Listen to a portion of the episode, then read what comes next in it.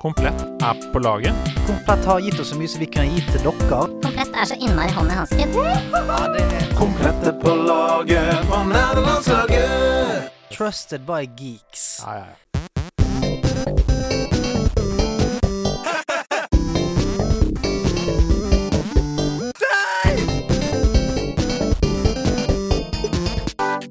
Nerdelandslaget. Den er god! Den er grei. Hallo til deg, ditt deilige menneske, my fellow nerds. Velkommen til nederlandslaget. Kjøttet går, pannekakene ruller. Mitt navn er Stian Blipp. Jeg glemmer av til å si det. Eh, men ved siden av meg så sitter eh, min kumpan, min amigo, eh, min siamesiske tvilling. Andreas Hedemann. Boller i skinkebarken! Boller i skinkebarken. Boller i skinkebarken. Boller i skinkebarken, ja.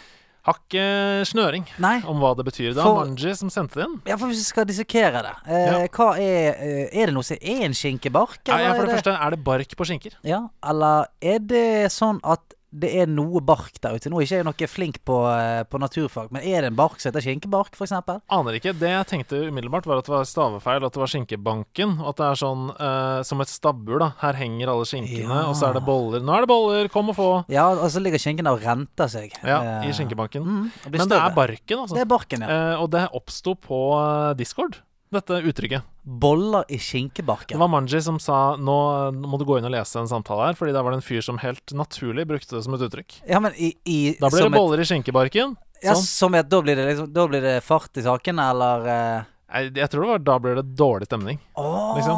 ja, for du vil ikke ha boller i skinkebarken? Nei, tydeligvis ikke. Hmm, ok, greit, men det er jo greit å vite hvis det, man plutselig For det vet man ikke. Plutselig står man i situasjonen der man får spørsmålet Skal det være boller i kirkebarken. Nei takk. Sør. Nei takk. Det, Det står jeg over. ja. Har du hatt en uke full av boller i skinkebarken? Eller? eh, Nei, jeg prøver å finne ut hva det motsatte er, men jeg klarer faen ikke å, eh, å gjøre det. Men eh, Skinke i bollebarken? Ja Det høres jo digg ut. Nei, det har vært en eh, bra uke. Det har vært eh, full, fas, full fest og stormende jubel. Mhm. Jeg har vært på hytten. Jeg er jo ikke noe sånn eh, utpreget hyttemenneske, Mm. men eh, vært på hytten til Svigers. Det er en hytte uten jeg håper å si, do, strøm eller dekning. Mm. Så da var jeg med svigerfamilien på, på jakt, Mm. og jeg følte meg altså, mer sånn mannemannete enn jeg har gjort noensinne. Satt liksom bak i en bil.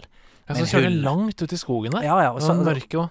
Det var tidlig. Klokken var eh, 06.30. Satt baki, bak en bil med en hund. Det var kun meg og hunden og, eh, og riflene som satt baki der. Det humpet. Jeg visste ikke hvor vi skulle, hva vi skulle, og det var deilig. Jeg drakk mye eh, rett i koppen kakao. Og uh, nøt livet. Så jeg er fully recharged. Jeg har aldri følt at manaen har vært såpass replenished som han er akkurat nå. Så jeg føler er meg bra. Godt. Har spilt litt òg, gitt. Oi! Ja da, ja da, ja da. Ting ja skjer, da. ting skjer. Mhm. Ja da, det kommer vi tilbake til. Eh, bare kjapt før vi går videre, så må jeg bare si at det begynner å minke litt i catchphrase-banken. Ok. Så ta og så send inn flere. Send inn flere, folkens. Vi trenger flere uh, før vi går helt tom. Tenk, om det, tenk om det blir en sending hvor du sier 'Andreas Hedemann', Ja, men du så er det Silenzio. Ja, men da må du finne en. Da må du lage en. Altså Det det klarer du. Ja. Er får se om jeg klarer å komme på Det finnes så mange sammensetninger av vokaler og konsonanter der ute at det skal være mulig. Ja, det er jo sånn at uh, vi er jo ikke alene på dette laget. Det er vi ikke. Det er jo folk som har lyst til at uh, vi skal hjelpe dem med litt hyggelige ting, da. Mhm. Og det setter vi jo superstor pris på. Så nok en gang så har Samsung kommet inn med uh, en skjerm. Som har vært en, eh, en opplevelse å teste. For det, altså. det er en sånn skjerm som jeg tror jeg aldri hadde på en måte turt å, å kjøpe sjøl, uten å ha testet den først. Mm. Og det er Samsung eh, sin G9 Odyssey-skjerm. Oi, oi, oi. Og den skjermen Altså, den, For det første så ser den jo helt konge ut. Eh, designet er helt magisk. Det er en større versjon av G7, som du har fått testa før. Ja, eh, og eh, som du sier, ser helt overveldende ut. Mm. Altså, han er slik eh, og hvit på baksiden, Mm. eh, med lysende detaljer bak, så du kan måtte velge å slå av eller på. Mm. Veldig nett og fin ramme. Så, så rent sånn estetisk så er han helt Helt magisk. Passer inn i alle mulige setups. Enten du skal kjøre en minimalistisk sånn eh, hjemmekontorstil med litt sånn eh, en plante på siden og, og, og tre, trepult osv. Og, så Mm. og passer òg helt fantastisk inn i et RGB-helvete, om, om det er det du kjører. For den er altså 49 tommer. Det er, 49 tommer, monster. 32,9 ratio. tenk på det, har gått opp fra 16,9 til 30 til 2,9. 32,9. Mm. Det er dobbelt så mye da, som vi er vant med. Det er helt insane. Det er vel eh, Ja, jeg Jeg vil si at det, dette er den beste ultrawide-monitoren som er på markedet. Eh, det tror jeg, for den er virkelig eh, At du må gni det litt i øynene av og til. Mm. Og det han har vel um, Det er sånn eh, curved eh, regnes jo i eh, R. Jeg er litt sånn usikker på hva R-en står for. Det kommer jeg tilbake til! Det er Ja, det som er så gøy. bare, for den har 1000 R Ja. curve. Det er en massiv, massiv curve som gjør at hvis du sitter opp skjermen helt perfekt, så er det en immersion som du faen ikke har vært borti før, liksom. Det er veldig gøy, fordi sammen med G7 da, så er det da verdens første 1000 R-budeskjerm. Mm. Og det er sånn, Når du hører det, det er mange sånn fancy begreper og sånn i denne bransjen, Mm. når man ikke nødvendigvis eh, vet hva står for. Eh, Så jeg har prøvd å grave litt da, Mm. i hva 1000 R betyr.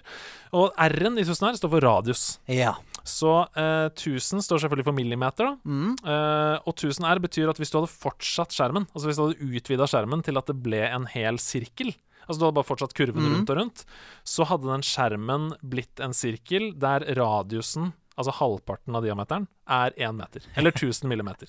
Altså, man får lyst til å kjøpe et par, bare for å se hvordan det ser ut.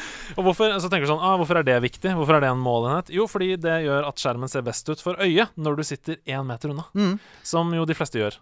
Ja, og, og det er jo sånn, det er jo mye Altså, man kan jo eh, selvfølgelig eh, argumentere både for og imot om det har noe sånn for seg. For det Ja. sånn, De har brukt eh, sammenligningen at eh, på kinolerret så har de på en måte buet det fordi da treffer lyset Mm. eh, likt på alle steder. og sånt. Men eh, Ja, de snakker om det at det er bedre sort farge, og at eh, du blir mindre sliten og sånn. Har du, har du testa den lenge nok? Du kunne si at det er en nok. forskjell? jeg har testet den lenge nok, og eh, det er vanskelig på en måte å sammenligne det med, med noe Med en vanlig eh, Hva skal jeg kalle det? Når du spiller på en vanlig, helt fir, firkantet, eh, tradisjonell uh, skjerm, som de fleste av oss spiller på. Ubuet? Ja, ubuet. Nei, men altså sånn uh, De skjermene jeg har spilt på opp igjennom, har jo vært ganske sånn tradisjonelle. Mm. Og dette her blir på en måte en, en mer en opplevelse, nesten, Ja, enn uh, eh, noe annet. For det, det er jo ikke alle spill som støtter ultrawide-format, Mm. mens noen gjør det, og det er helt sinnssykt. Det er 240 hertz eh, monitor. Så vi Som har kan levere 240 frames, da. som kan levere 240 frames hvis du sitter på riktig setup, vel å merke. Eh, det har gans fantastisk HDR.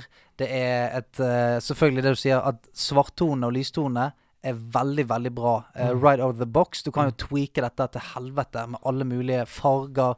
Uh, du har ganske mye mulighet for å tweake det bildet, men right out of the box er litt sånn som jeg sa med G7-en. Du trenger ikke gjøre noe særlig med tweaking, altså. Det er, det er ganske bra rett ut av boksen. QLED, det er jo også helt konge, selvfølgelig. Ja, Sorry. altså fire- 4K QLED-skjerm eh, Det er Du blir bortskjemt av å spille på det. Så for meg var det eh, rett og slett en opplevelse. Altså for å eh, Jeg er jo en tech-nerd og en nerd generelt. Og det å få sitte på den her, det føltes Det er første gang jeg har sittet på en skjerm hvor det føles som et fuckings privilegium å få Ja. teste det. Ikke sant? Fordi at det, det er bare sånn det er, vi, er, vi er så langt framme i noe som jeg aldri trodde skulle komme. Mm. Rett og slett. Det har en heftig price tag. Ja, det er dyrt, ja. Det er veldig dyrt. Ja. Så det er, det er jo på en måte det som kommer til å gjøre at ikke alle kjøper den. Mm. Hadde han selvfølgelig Hadde han kostet 7000 kroner, så tror jeg Da hadde jeg anbefalt alle å gå og kjøpe denne her. Ja. Han koster eh, et sted mellom 14 000 og 15 000, tror jeg. Ja. De fleste steder. Og så hvis man er en som kan finne gleden i den, eh, det massive inntrykket du kan få av en sånn skjerm, Mm. så mener jeg da bør man gå og, eh, og sjekke det ut. Fordi at For det er jo det beste, på en måte. det Eh, er det beste. Og, eh, og hvis man, spesielt hvis man eh, liker å spille store eh, spillopplevelser som er på en måte eh, tilpasset widescreen Jeg spilte jo blant annet Horizon Zero Dawn på det, som er Altså, det er wow, liksom. Men eh, når jeg hører jo at du sier sånn Ja, um, den passer um, Altså, man skulle kanskje tro da at den var veldig for sånn hardcore gamere, Mm. men vi syns ikke det, eller? Den er pen, og den kan jo passe for hvem, som helst. Jeg syns ikke det. Jeg vil nesten si det motsatte. Altså, hvis du er en grise-hardcore gamer, så er jo du kanskje keen på eh, en, en supertilpasset eh, skjerm for Um, uh, FPS. Altså ikke Mm. frames per second, men eh, first person shooter. Og da kan ultrawide være litt sånn overveldende. Mm. Sant? På first person shooters, hvis du er en, liksom en, en, eh, en som har lyst til å fighte kompetitivt på høyt nivå, så er jo det fremdeles altså Da holder det lenge med en, en 240 eller 165 eller 144 hertz skjerm Mm. eh, i vanlig eh, 2560 ganger 1440. Det, liksom, det holder lenge. Ja. Men denne her kan du på en måte bruke Det, det, det som jeg gjorde eh, Jeg lastet ned et tredjepartsprogram som på en måte kunne partmentalisere skjermen inn i tre skjermer. Mm. Sånn at jeg kunne Sånn, ja. Sånn at jeg kunne eksempel hvis jeg ville bruke senter av skjermen til et spill, og så kunne jeg bruke flankene Å, ja. til eh, på en måte skjerm eh, to og tre, da, kan du si. Eh, så jeg satt og prøvde å, å spille da um, eh, Wow på midten, og spilte Heartstone på, på sidene. Oi, shit. Men det kan jeg også si. Eh, å spille RPG, altså MMO-RPG på den skjermen wow. der, holy fuckeroo. Ja. Jeg spilte Wow retail på den skjermen.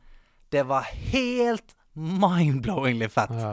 Helt insane fett. Ja, en ting som jeg har lest og hørt om, som jeg bare Hvis det funker sånn, så syns jeg det er helt konge, og det er jo den én millisekund responstid. Yep. Um, fordi jeg hørte Rune snakke om dette her i en Level Up-episode. Mm. Han sa at han hadde blitt en mye bedre spiller i PVP i Destiny 2 Mm. da han gikk fra å spille på TV til gamingmonitor Mm. av responstid. Yep. Merker du det, eller? Altså, responstid i seg sjøl er jo Det er jo veldig viktig når Ja. man skal spille f.eks. Destiny PVP. Egentlig Mm. all, all mulig PVP. PVP. Ja. Eh, så er jo den responstiden veldig, veldig viktig. Og det finnes jo skjermer som har enda raskere responstid enn en MS, men 1 MS er ganske sykt fra før av. Ja. Så eh, den, den er sånn Det er et, eh, et, et, Det er øyepryd. Han ser jævlig fett ut, sånn fra et rent designperspektiv. Mm. Eh, innmaten og eh, hardwaren er ganske imponerende. Mm. Samtidig som man på en måte ikke eh, tar vekk alle de core-elementene som er i gaming.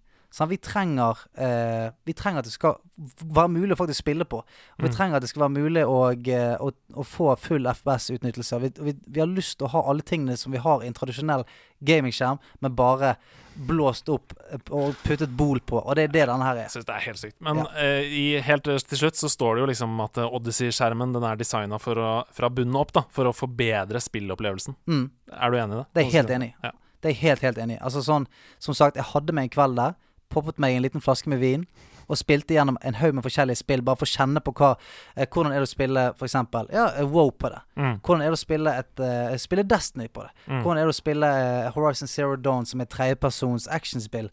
Og alle de opplevelsene fikk jeg en sånn Mm. Altså, det var sånn eh, Når jeg startet opp, så var jeg sånn OK, hvordan blir dette å spille på denne måten? Og jeg, hver gang så fikk jeg en liten sånn Det hadde skitlet litt sånn Satan, se på dette her, da!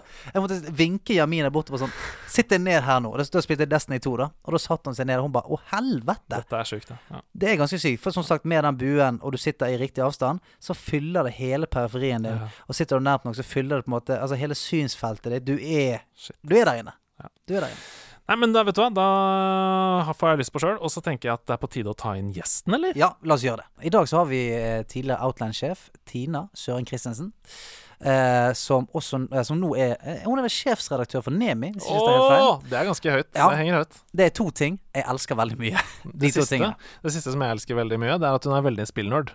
Altså, det Det er som en bonus for meg. Ja, det er Du vet at det ikke er en bonus. Jeg sier alltid eh, Greit nok at de er sjef på Outland og redaktør for Nemi, men spiller de, da?!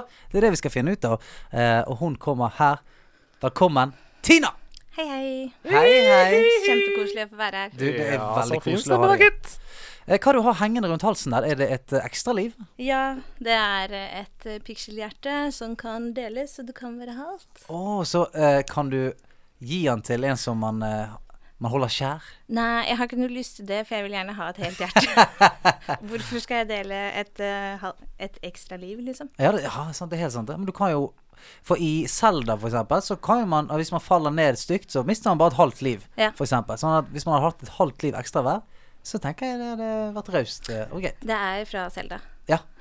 Så eh, veldig glad i det. Sånn der Etsy-ting en gang for lenge siden. Mm, Etsy. Alles, alle nerders eh, go-to når det kommer til uh, uautorisert tredjeparts-merch. Er det Etsy? Ja. ja, ja. Jeg lærte meg det nå, jeg. ja, det er helt Etsy. nydelig. Du kommer til å få uh, en fin kveld og en tynnere lommebok. Etsy? Ja, hvis du går inn på Etsy. Ok, for oi, det er en side som heter Etsy? Ja, ja, ja. ok, Jeg trodde det var et slags begrep om at sånn, ah, denne var Etsy, ass. Oi, Det er, det Som er sånn i- derre fanmade merch som er sånn Hei, jeg sitter og strikker veldig mye, og så lager jeg dette og selger. Veldig, veldig mye kult her. Hva er det villeste som er der inne? Finnes det folk som smir ting og sånt? Ja, ja, selvsagt. Alt fins. Det er sånn alt av håndverk. Faen, så kult. Ja, helt nydelig. Jeg har lyst på Jeg har lyst til å Det første jeg skal gjøre når jeg går herfra, er å kontakte en skomaker Da får man noen eh, stilige Final Fantasy-sko. Ja, men det fins. Gjør det?! Ja, ja. Sånn Converse med håndmalt eh, Nintendo-motiv og alt sånt. Det er på Etsy. Der røk lønningen, Ja. eh, tror jeg faktisk. Hvis Jeg eh, min regnskapsfører hører på nå, steng alle kontoene med en gang. Jeg vil ha Epona hestesko, jeg. Ja. Epona hestesko. Ja. Det er sånn søtt, da. Eh, sånn eh, Adidas Superstars rosa som glitrer litt, for Nei, eksempel. nei, altså en, en hestesko. Smidd. Og det er Ching, faktisk ching. hestesko, ja. Eponas hestesko. Hesten i, uh, i Ocarina of Men Time. vil Den ikke henge på hytta. Men vil ikke den se ut som alle andre hestesko? Nei. Jeg bare Nei. Ok, men jeg vet i hvert fall at det er Epona sin. ja, det er du som vet det. Og eh, du har på deg en T-skjorte der det står 'The Many Moods of Tina'. ja, Tina Belcher fra Bob's Bob's, Burger Burgers. er mitt spirit animal. Så er jeg ute på byen en gang eh, så, Som ikke skjer så veldig ofte nå, siden jeg nettopp har blitt mamma. Så danser jeg som Tina. Det er veldig lekkert. Også, Ja, for det er veldig mer sånn frantisk uh, I don't give a shit-dans. Ja, og så er du veldig glad i rumper.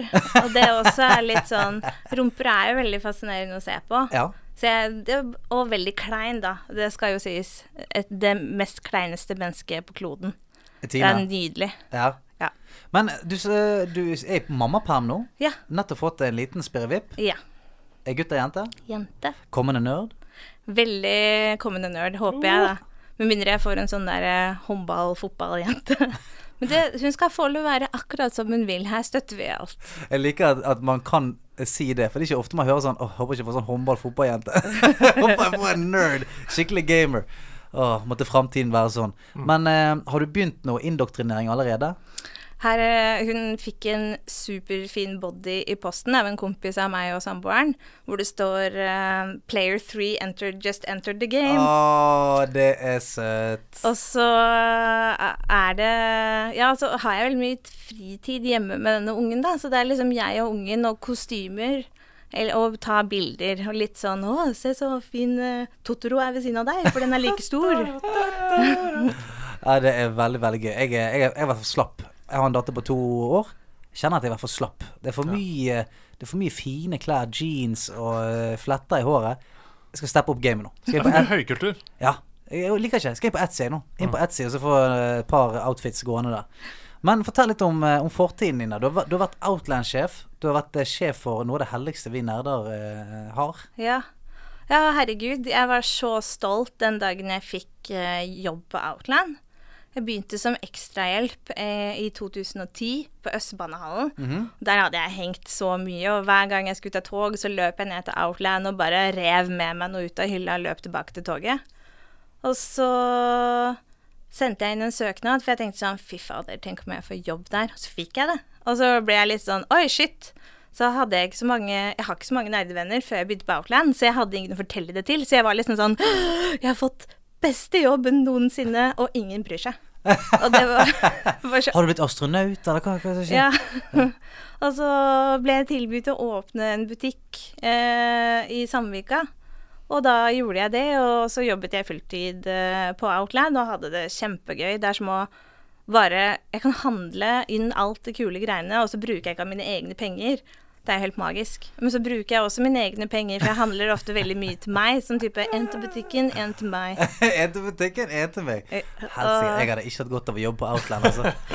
Det, det dabber av etter noen år, heldigvis. Så jeg kjøpte meg noen sånne Når, jeg, når det dabbet av litt, så var jeg sånn Du kan kjøpe én stor, kul ting i måneden hver gang du får lønn.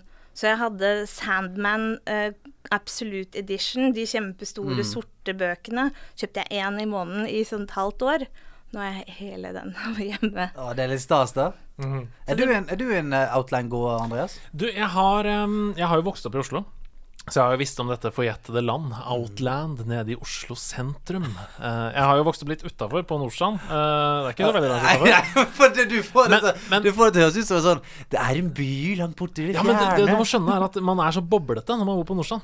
Det er sånn uh, Ja, vi har jo alt vi trenger her. Vi har seterkryss og vi har så, så Man er ikke så veldig ofte nede i sentrum. Nei? Så det var litt sånn stort for oss også, da, å reise ned til Karl Johan! Dette, dette hovedgaten i Oslo. Nei, så eh, jeg har vært på Outland, men ikke sånn kjempemye. Eh, jeg har vært der innimellom og kjøpt bl.a. en genser som eh, en sånn ugly Christmas sweater med My Little Pony-motiv, hvor det står 'Feliz Navidad', som i oh, følg, følg Navidad, da.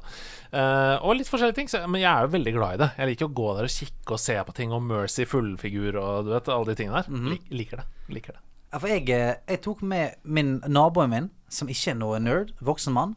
Eh, vi hadde vært nede i byen, så sa jeg du, nå skal jeg vise deg. Har du vært inn på Outland før? så sa han nei, hva er det for noe? Så jeg bare bli med meg inn her. Og når han kom inn der, og han han spiller litt PlayStation og alt mulig, men han er liksom glad i Harley og uh, ekstremsport. Han er liksom sånn type. Men det trynet hans når vi hadde kommet sånn midtveis inn i butikkene, det var helt ubetalelig. Han var helt sånn Her, finnes dette her? Det er jo en hel seksjon bare Harry Potter, jo! Og han gikk rundt der, kjøpte Lego hjem til døtrene sine, og han, altså, han ble helt eh, blåst i bakken. Det er jo veldig Det er jo så sykt mye kult der, og nå som jeg ikke jobber der lenger, så føler jeg meg litt sånn undercover når jeg går inn. Og så kan jeg se litt i hyllene og bare sånn Å, den kan stå der i stedet. Har de prisa det? Eh, Litt sånn yrkesskada. Eh, men uh, det var Jeg elsket jo å jobbe på Outland, men det som var så kleint, var at uh, siden jeg ikke hadde så mange nerdevenner, men hadde veldig mye kultur- og musikkvenner, så sa jeg Ingen skjønte hva Outland var når jeg sa det, så jeg sa jeg jobber i bokhandel. For da, for da stilte de meg ikke spørsmål. Oh, ja, Fordi okay. Hvis ikke så var de sånn Å ja, du jobber på Outland. Uh, hva er det? Uh, nei, de selger mye tegneserier. Å ja, Donald og sånn. Jeg bare Nei, ja, ja, Donald. nei, ikke bare sånn- Donald, men ja, Donald òg, men eh, Det er ikke feil, men det er ikke riktig. Hvis man er gravid for eksempel, og drikker brus på fest du, Det er sånn, du får alle spørsmålene sånn Hvorfor? Hvorfor drikker du ikke Hva er det som er? Og hvis, Så hvis du vil unngå det, da, så tar du med deg liksom en ølflaske, og så tar du av eh, etiketten, eller så det er alkoholfri, for eksempel, Ja. og så later du som at du er med. Det er litt sånn. Ja. Du skjuler for å unngå alle spørsmålene. mm, ja, ja, ja, det, ja, eh, Man blir lei av å svare på det. Man blir lei av å forklare liksom sånn Ja, det er sånn. Og så alle de kleine oppfølgingsspørsmål sånn Å, det høres interessant ut. ja, Og en lekebutikk? Ja. Ja. du jobber i lekebutikk, ja? Nei, det er ikke, le det er ikke, ah, det er ikke akkurat det, for du kan liksom samle objekter, og det er sånn ah, Ok, greit, skal vi snakke om noe annet? Det, jeg, jeg skjønner deg veldig godt der, altså. Så det ble bokhandel. Det er bokhandel. Men jeg er veldig stolt av å ha jobbet på Outland, det skal sies. Ja, men det skjønner jeg veldig godt. Bare altså. veldig lei av å forklare musikkfolk eh, at eh, det er Outland. Det er på mange måter en slags kirke, ikke sant? Vi som nerder, vi kommer jo til Outland vi, for å liksom finne alteret der. Eh, Der Ja. er vi endelig, der er vi endelig akseptert. Altså, jeg har lagt uh, noen mynter i uh, Kollekten. I kollekten. Definitivt. Altså, jeg har uh, i løpet av jeg, jeg kjøpte Vi fikk Var så heldig vi hadde en gjest på besøk som eh, ga oss eh, noen gaver. Og da fikk jeg en sånn life size Thanos eh, Infinity Glove. Å, herregud.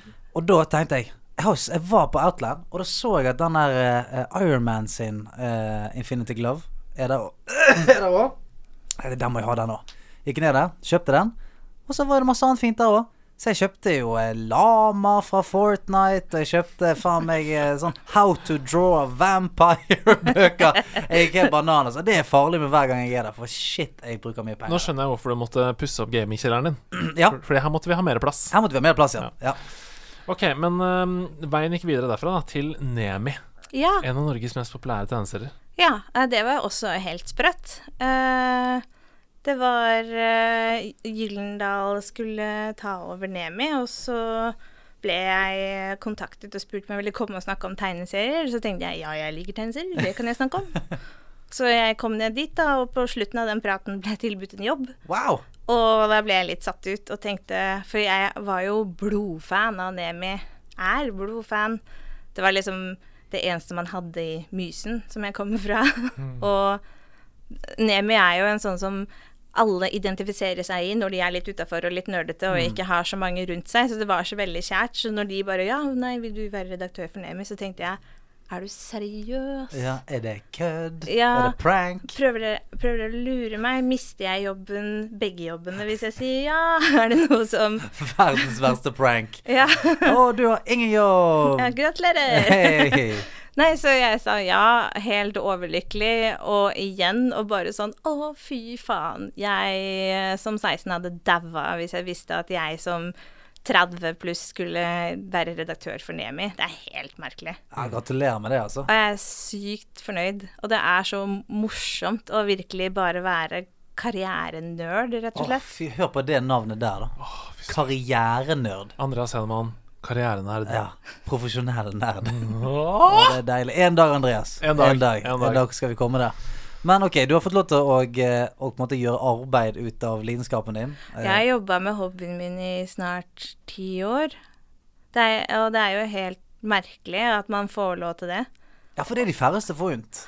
Ja, de, man, og, det verste er at jeg kunne jobbet med nesten hva som helst. Jeg bare har hatt veldig flaks, føler jeg, da. At eh, livet har liksom bare Mulighetene har vært der, og så har jeg tatt de og, de har dukket opp på riktig tidspunkt. Og det er f fantastisk. Men det er det som alle som er flinke, sier, vet du. Jeg hadde veldig flaks, og timingen var bare rett og sånn. Jeg tror det er en viss eh, sannsynlighet for at du bare er veldig flink. Jeg er veldig nerd. Eh, Ja, for det er jo en saying som sier at flinke folk har mest flaks. Eh, og det, det tror jeg òg på. Eh, det, er ikke, det er ikke sånn at du OK, vi, vi trenger en redaktør nå. Skal vi se, hvem som står der borte? Ta, ta vink hun der bort. Det er, ikke, det er ikke sånn det fungerer. nei, nei. Men vi har veldig lyst til å grave i, eh, i hvordan du ble en nerd, og hvordan du endte opp eh, der du endte opp. Men skal vi ta litt nyheter først, eh, Andy Boy? Ja, det kan vi godt gjøre. Eh, for det har skjedd en god del, skjønner du, eh, denne uka her. Amazon, for eksempel, de har nå bestemt seg for å legge ned Crucible. Spillet. Mm. eh, etter bare noen måneder ute. Men det var ikke det, det fikk ikke noe traction, det. Nei, altså det skulle jo da blande elementer fra Overwatch og Fortnite for eksempel, og bli en slags sånn competitive shooter-ting, men så fikk det veldig lunken mottakelse, som du er inne på der. Eh, så trakk de det tilbake for å forandre det, basert på litt feedback og sånn. Eh, men nå stenges det, og de tar da alle utviklerne fra Crucible og putter over til New World, som er deres store MMO, som kommer da, Amazon sitt. Um, alle som har kjøpt spillet, kan få tilbake pengene sine. Det er veldig bra. Ja, det er raust. Uh. Eh, og så stenger spillet da for godt den 9. november. Jeg tenker det er et godt tegn på at ikke mange har kjøpt spillet. Hvis de sier sånn Alle som har kjøpt det, kan få pengene tilbake. Det betyr de 500 som har kjøpt det, kan få pengene tilbake. Har du vært noe interessert i sånne typer spill, eller? Nei, jeg er ikke veldig online gamer, Nei. så og har eh, Kommer jo rett ut av barselbobla, så det har jeg ikke fått med meg. Nei. Jeg har vært eh, gravid og nå født og er i livet for en uke siden, på en Ja. måte. Nei, fordi det, det, mange var, hadde jo store forventninger. Det var sånn Amazon, en stor gigant, kommer på banen her med en shooter som Overwatch. Men det gikk ikke helt. Nei, det er jo ikke Ja. Nei. Nei, De første trailerne så jo ganske lovende ut, syns jeg. Eh, altså sånn, det, det så i hvert fall Altså trailer, Det er jo lett å gjøre en Ja, trailer det er sexy. sant. det er sant Det er sånn Å ja, det er fast paced, og ok, det skjer mye ting her, men uh, Nei, ut fra det jeg har sett, så ser det litt sånn uinspirert ut. Ja. Det ser litt sånn Det er veldig lett å klippe en god trailer. Ja. Og ofte så er det Jeg har jo spilt spill hvor traileren var det beste med spillet. yes. Og For meg så føles det litt som assets i Unity, liksom, som er satt sammen. Men OK. Um, de fleste PlayStation 4-spill kommer til å kjøre helt fint på PlayStation 5, Men, har Sony men ikke nå. alle. Men 11 spill eh, totalt. Men det var jo bare en sånn absurd liste. Obskurd liste, Ja. var det ikke det? Det var Jo. ikke noe store tap. Det er 11 spill som ikke kunne spilles, og 10 spill er neppe på noens eh, topplister. Eh, men det er ett spill der som heter Robinson The Journey. Ja. Og det er jo et av de beste VR-spillene som kom jo Er det det? Ja, ja, til Nei, PlayStation VR, nei. Nei. Nei, det var det ikke. Det var ikke så bra. Nei, det var en, jeg syns det var en god opplevelse, underholdende og utforskende og sånn, men, men det er med andre ord ikke avgjørende, dette her. Altså, det er elleve spill, og kanskje ett av dem er diskutabelt at det er verdt å ha med seg videre. Men, men det er jo kjipt da for de som ville se for eksempel hva PSVR kunne få til Mm. med det spillet på PS5. Men uh... Ja, nei, det var ikke noe stort tap for meg. Nei. Eh, jeg syns Robinson var fire av ti. Eh, Oi, ja. såpass, ja. Såpass. Jeg hiver han ut av deg. Jeg har, har på meg slakterkniven i dag, jeg. Det bare passer seg. vi hopper videre. Eh, det er eh, kommet fram at det er sånne taktile merker på Xbox Series X på de forskjellige portene. Altså det er blindeskrift Ja, på, på portene. luddig. Og det er så lite som skal til for å gjøre det. jeg er helt enig. Hvorfor har ikke andre konsollprodusenter også gjør det? Det virker for meg som bare at det er noen som De har har bare ikke hatt ideen, rett og slett. Mm. Fordi det er jo bare eh, Her Jeg kan vise dere bildet her nå. Um, bak på uh, konsollen så er det da liksom tre dotter for en USB-port, og så er det to prikker for Ethernet, og så er det fire for liksom der du putter i minnekort og, Ja. og sånn. Det er jo Altså, genialt. Det er helt genialt. Og jeg tenker sånn ah, Man kan jo eh, Og nå snakker jeg fra et, et, et, Jeg har jo alle mine funksjoner i behold, så det må tas med en klype salt. Men man kan jo tenke seg at man har tenkt man kan kjenne forskjell på eh, portene. At det er en slags blindeskrift i seg sjøl. At du sitter fingeren inn til en USB-port, så kjenner du det er annerledes enn en Ethernet-port. For eksempel. Ja. Hadde jeg tenkt. Ja, jeg tenker at eh, det er bare fjerde i hatten til Mm, Microsoft. ja, Kjempebra tvil. jobba. Uh, tilgjengeliggjøring er veldig, veldig bra. Ja, jeg mener jo at sånn, i 2020 så bør man ha eh, Det bør være et langt workshop. Ok, accessibility. Hvordan kan vi gjøre absolutt alt mest mulig tilgjengelig for absolutt alle? Det bør være et langt jævla workshop, og de, de prikkene bør komme ganske tidlig, tenker jeg. Nå kommer det sikkert litt sånn bardust på dette spørsmålet, men hva gjør Har dere noen sånne ting med Nemi som gjør at det kan være tilgjengelig for flere? Altså utenom For Nemi er jo et analogt blad som man kan lese, på en måte. Er det noen annen måte? Kan man lytte til Nemi? Kan man Nei, det, foreløpig så er det jo ikke Det er ikke så lett å føre over i lydbok når det er tegneserie. Mm. Så det, eh, jeg vet ikke hvordan man skulle gjort sånn visuelt beskrevet bilder eller situasjoner. Mm. For det er jo one-linere som veldig Eller en stripe har jo, er jo ofte en one-liner Mm. som har mye visuelt rundt seg. Yes. Så det er jo ikke så lett å si sånn Ja, nei, så sto hun der og stirret sint på noen. Imens man ser at takviften eh, holder på å falle ned. Og- Ja, jeg tror kanskje man dreper eh, produktet med å beskrive for mye, da, når, det, er en, når det er en tegneserie. Ja, tegneserie er et sånn vanskelig blindpunkt, der. Fordi at eh, du trenger alle, alle elementene i en, en stripe eller i hver rute for å på en måte eh, få effekten. Det er snakkebobler som enten er taggete, som betyr at de er sint, eller det er sånn. Ja, Man, så er man jo trenger infoen. tegneserie er jo kunst. Mm. I, på mange måter. Sånn, uansett, selv om det bare er strektegninger, så vil jeg jo kalle det kunst. Mm. Og da, hvordan skal man beskrive kunst til noen? Også kunst med tekst, og Mm. da gjerne vitser. Ja. Så det Nei, foreløpig ikke. Eh, Skjønner. Men uh, En liten challenge der til neste workshop, da, kanskje. Ja, nå sitter jeg og tenker på hvordan kunne man gjort Ja. det tilgjengelig. Ja. Det gjør jeg jo. Hvis dere har noen gode forslag, lyttere, så send gjerne igjen. Jeg tror eh, Tina vil sette veldig pris på det. Ok, um, helt til slutt Ja. så så dere sikkert alle overskriftene i forrige uke som sa 80% av alle preorders for neste generasjons konsoller er PS5! Mhm. 80% Og det var en artikkel som gikk sin seiersgang da, over verden. Og Var, det, var var, var det fake news? Jeg vil i hvert fall nyansere den artikkelen litt. Ja. Eh, Men du vil det, eller? ja, noen? Jeg- jeg vil Ja, det. Du vil det? Jeg vil ja, det. ok. Jeg er en eh, fact-checker, vet du. For jeg har gravd i de tallene. Og, så dette her som jeg skal komme med nå, er egentlig bare sånn oppfordring til kildekritikk til alle som hører på. Fordi eh, først og fremst så er det 511 mennesker som er spurt Mhm. i Ja, den det er ikke en kvantitativ undersøkelse. Og det er 511 amerikanere. Ja, kun amerikanere. Ja. Og det er ikke så mange, men det er fortsatt en del. Du får jo et eh, relativt liksom, eh, begrep. 511 mennesker er jo en del. Men det som er oppsiktsvekkende, det er at av de 511 så var det bare 15% som svarte at de faktisk klarte å forhåndsbestille en konsoll. Mm. Så det betyr at det er 76 personer Ja. som har svart. ja, det holder ikke, det. Og innenfor de 76 så ble det bestilt 54 PS5 med disk og 7 PS5 uten disk. Og så ble det eh, bestilt 22 Xbox Series X og 6 Xbox Series S. Så av de 76 personene så var det altså 61 PS5-varianter og 28 Xbox-varianter. Og det betyr da at dette her kunne egentlig vært overskriften. Vi så på 89 bestillinger av neste generasjons konsoller. Av de 89 bestillingene valgte 68,5% Sony og 31,5% Microsoft. Ja, for gud bedre, det er en dårlig undersøkelse. Herregud, Ja, du skal ha bør ha 1000 pluss. 1000 pluss. Absolutt. Og det er, men, men som dere alle skjønner, den overskriften som jeg leste opp der, det er ikke noe klikkvinner. Nei, Det nei, er ikke noe klikkvinner. nei, det er helt sant. det. Det er en veldig sånn forklarende og grei.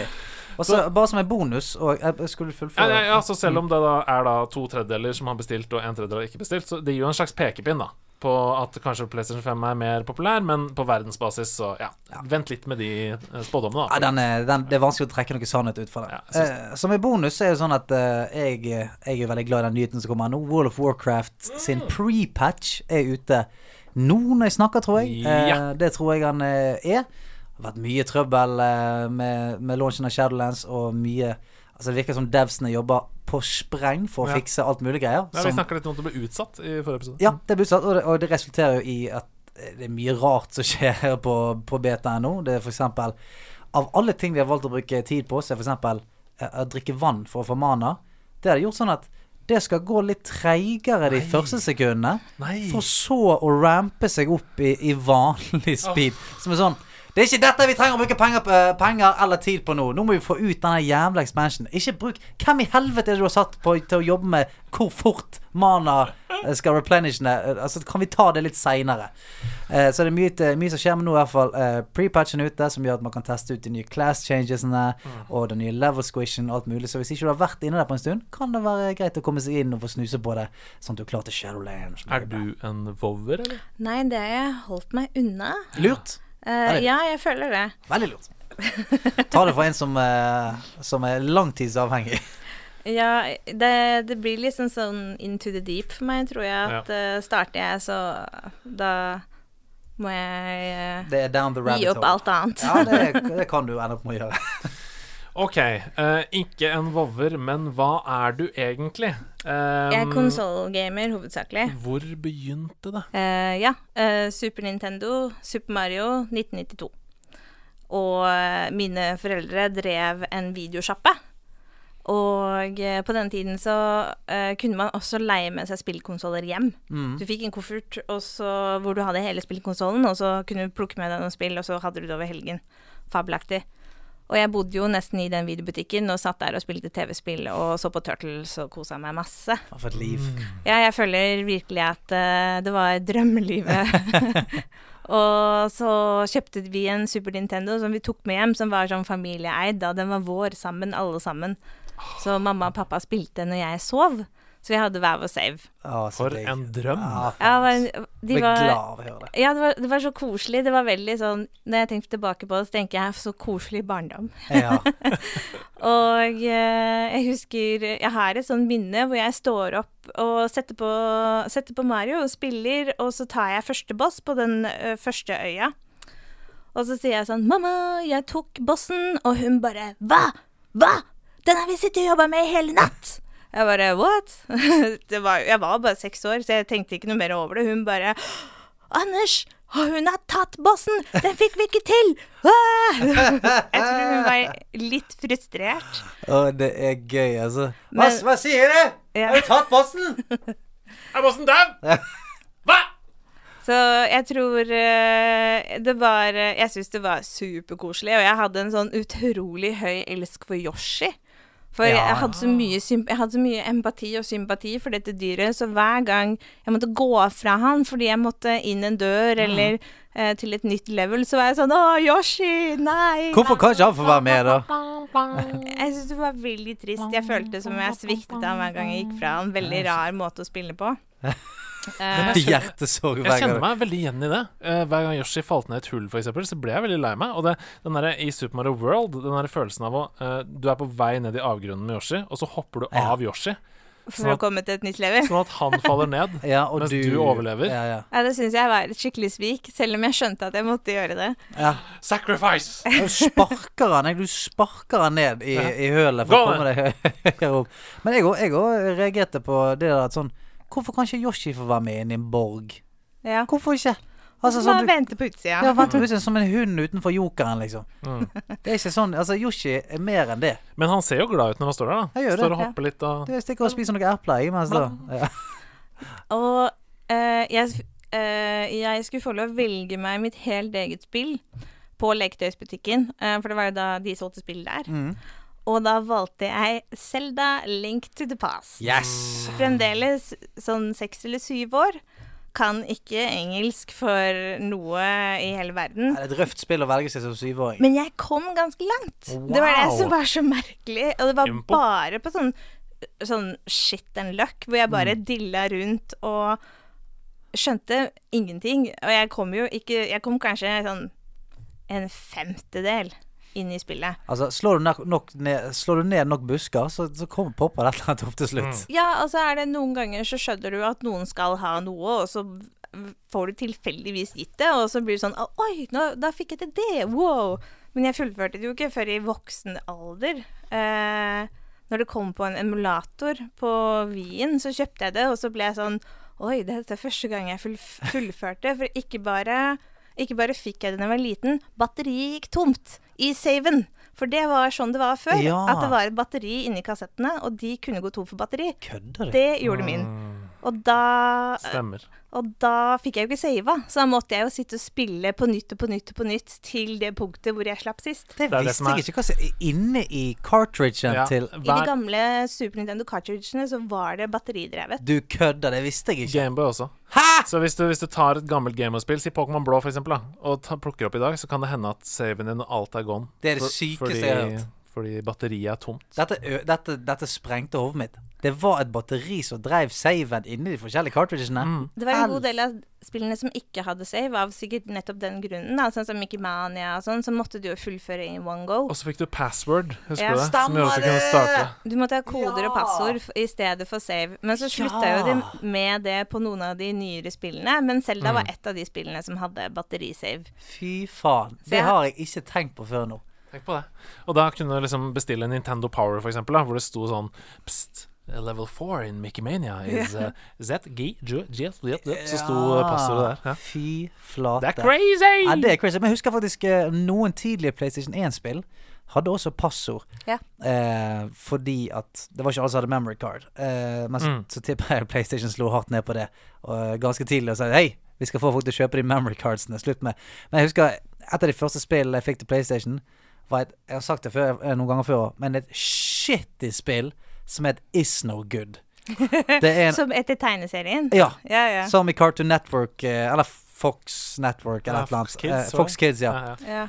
Forferdelig dårlig spill. Eh, og da husker jeg at eh, det var greia når du kom, kom eh, Når du tok hvert level, så fikk du en, en kode som jeg aldri gadd å skrive ned, for jeg gadd aldri fullføre det forferdelige spillet.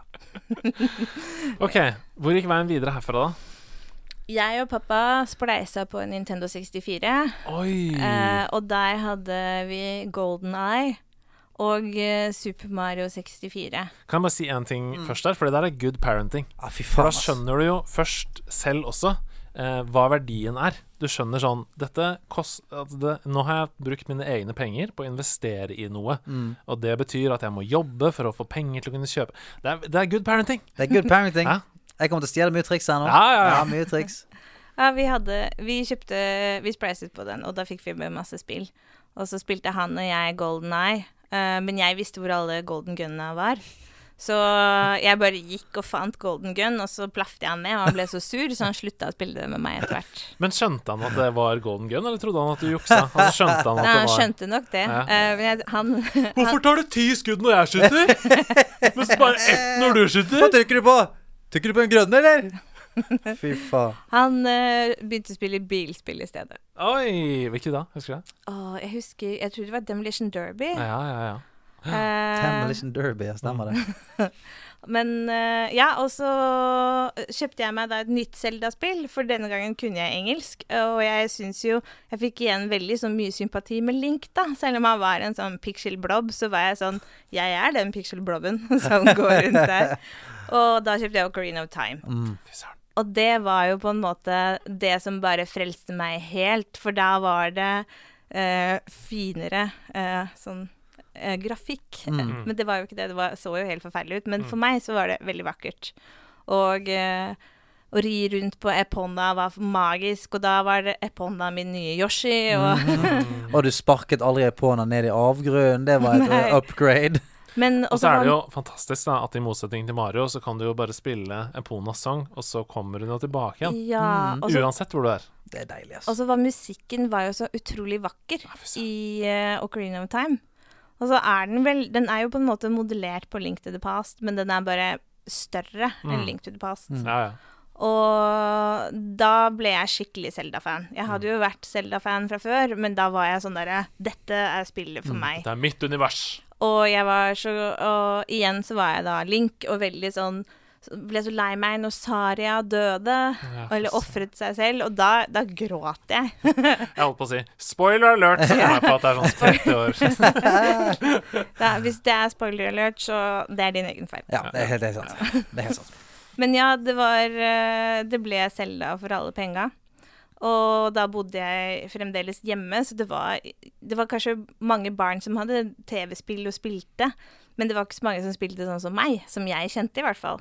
Så jeg hadde en kjempegod vennegjeng som jeg er veldig glad i og venner med den dag i dag. Og så satt jeg hjemme og spilte alene når jeg ikke var med de. Mm. Og det funka veldig fint. og da øh, Men jeg hadde jo ikke tilgang til internett eller Nintendo Power, så jeg husker jeg satt fast i Ocarina of Time. Og visste ikke hvordan jeg skulle komme videre. Det var for å komme inn et, til bossen i et tempel. Jeg var så sint, og jeg gikk og banna i flere dager. Jeg drømte om det, og jeg tenkte på det. Så gikk det en uke, så ble jeg bare sånn Jeg vet det! Så fant jeg ut, og jeg var så lykkelig. Og det, var, det var å spille TV-spill eh, hva- den gang da. Var det vanntempelet? Nei, for det, det, den koden knakk jeg. Ja. Shadow Temple, kanskje? Nei, det var inne i uh, Forest Temple, Ja. du skulle For det var et sånt øye på veggen som du egentlig skulle treffe med en pil. Ja. Gjennom denne her som gikk rundt og rundt. Det var ikke sånn jeg fant ut av det, for jeg hadde funnet Dins Pearl, så jeg bare stelte meg med den derre f- eh, Dins Pearl under her, bare blæsta brann Ja. opp. Så jeg kn- Ja. Dette er jo noe av det som er magisk med Zelda-spill, og som har vært helt siden da, og i stor grad i Breath of the Wild, da. Men det er jo mange veier til mål. Ja. Og eh, spillopplevelsen blir din egen, da. Sånn at eh, i Breath of the Wild så kan det Det er jo tusen måter å løse de ulike te, de shrinesene på. Eh, hvis du vil, så kan, Det er bare kreativiteten som setter grenser, nesten. Selv om det er jo én på en måte, hovedmåte. Så Ja. er det sånn som det, da. Eller Deans Fire, var det vel? Ja, Dean's Fire. ja. Nydelig. Det er helt nydelig. Eh, så eh, det som jeg syns har vært som, så bra med Zelda, som jeg tror på en måte mange har, eh, har funnet sin elsk med, er at sånn Vi spilte det Altså, nå sit, alle her som sitter her, er 30 pluss. Vi spilte det på et tidspunkt der eh, vi var unge. Link var ung. Det var sånn det, Hvor skal jeg i verden? Alt var nytt. Og du fikk på en måte du, Det var eh, en av de første gangene jeg følte sånn Å, nå lever jeg litt sånn gjennom han. Han, eh, Jeg òg er ung, han er ung, og eh, alt i verden virker sånn stort og skremmende, men vi skal klare det. Mm. Tror du jeg er inne på noe der? Jeg hadde det som sånn uh, pause fra virkeligheten. Mm. Sånn type Det var uh, den virkelige verden, og så var det TV-spillverden. Mm. Og jeg slapp altså det, Og det gjør jeg den dag i dag. Sånn type jeg trenger å koble ut og bare puste rolig og gjøre noe koselig. TV-spill. Ja, jeg tror, eh, altså, jeg, jeg tror jeg kan stå 100 innenfor at hadde ikke jeg hatt eh, TV-spill når jeg var liten, og ikke minst sånn i dag, for jeg bruker det på akkurat samme måte som den reneste Farris bad-treatmenten.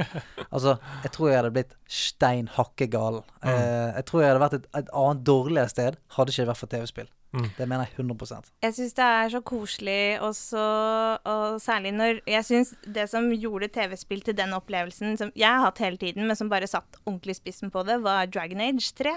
Ja. Når det kom, for uh, de hadde tuna karakterene, eller alle NPC-ene, som du kan ha som teammates, til at de responderer på hvordan du behandler dem. Og det var så mange som bare Herregud, jeg er stormforelsket. For du skulle jo selvsagt romance de, for Ja, det ja, gjør du alltid i Bioware. Og Det er så RPG-grep, altså. ja, ja. Men det var Og det var Jeg ble så glad i de. Jeg virkelig Jeg behandla de så godt, for jeg har jo fått en sånn veldig Når du spiller TV-spill veldig mye, så har det alltid vært sånn Du er god. Og jeg var alltid god. Og jeg hadde alltid veldig sånn høy moral når jeg spilte TV-spill, og veldig viktig at jeg sto inne for valgene selv.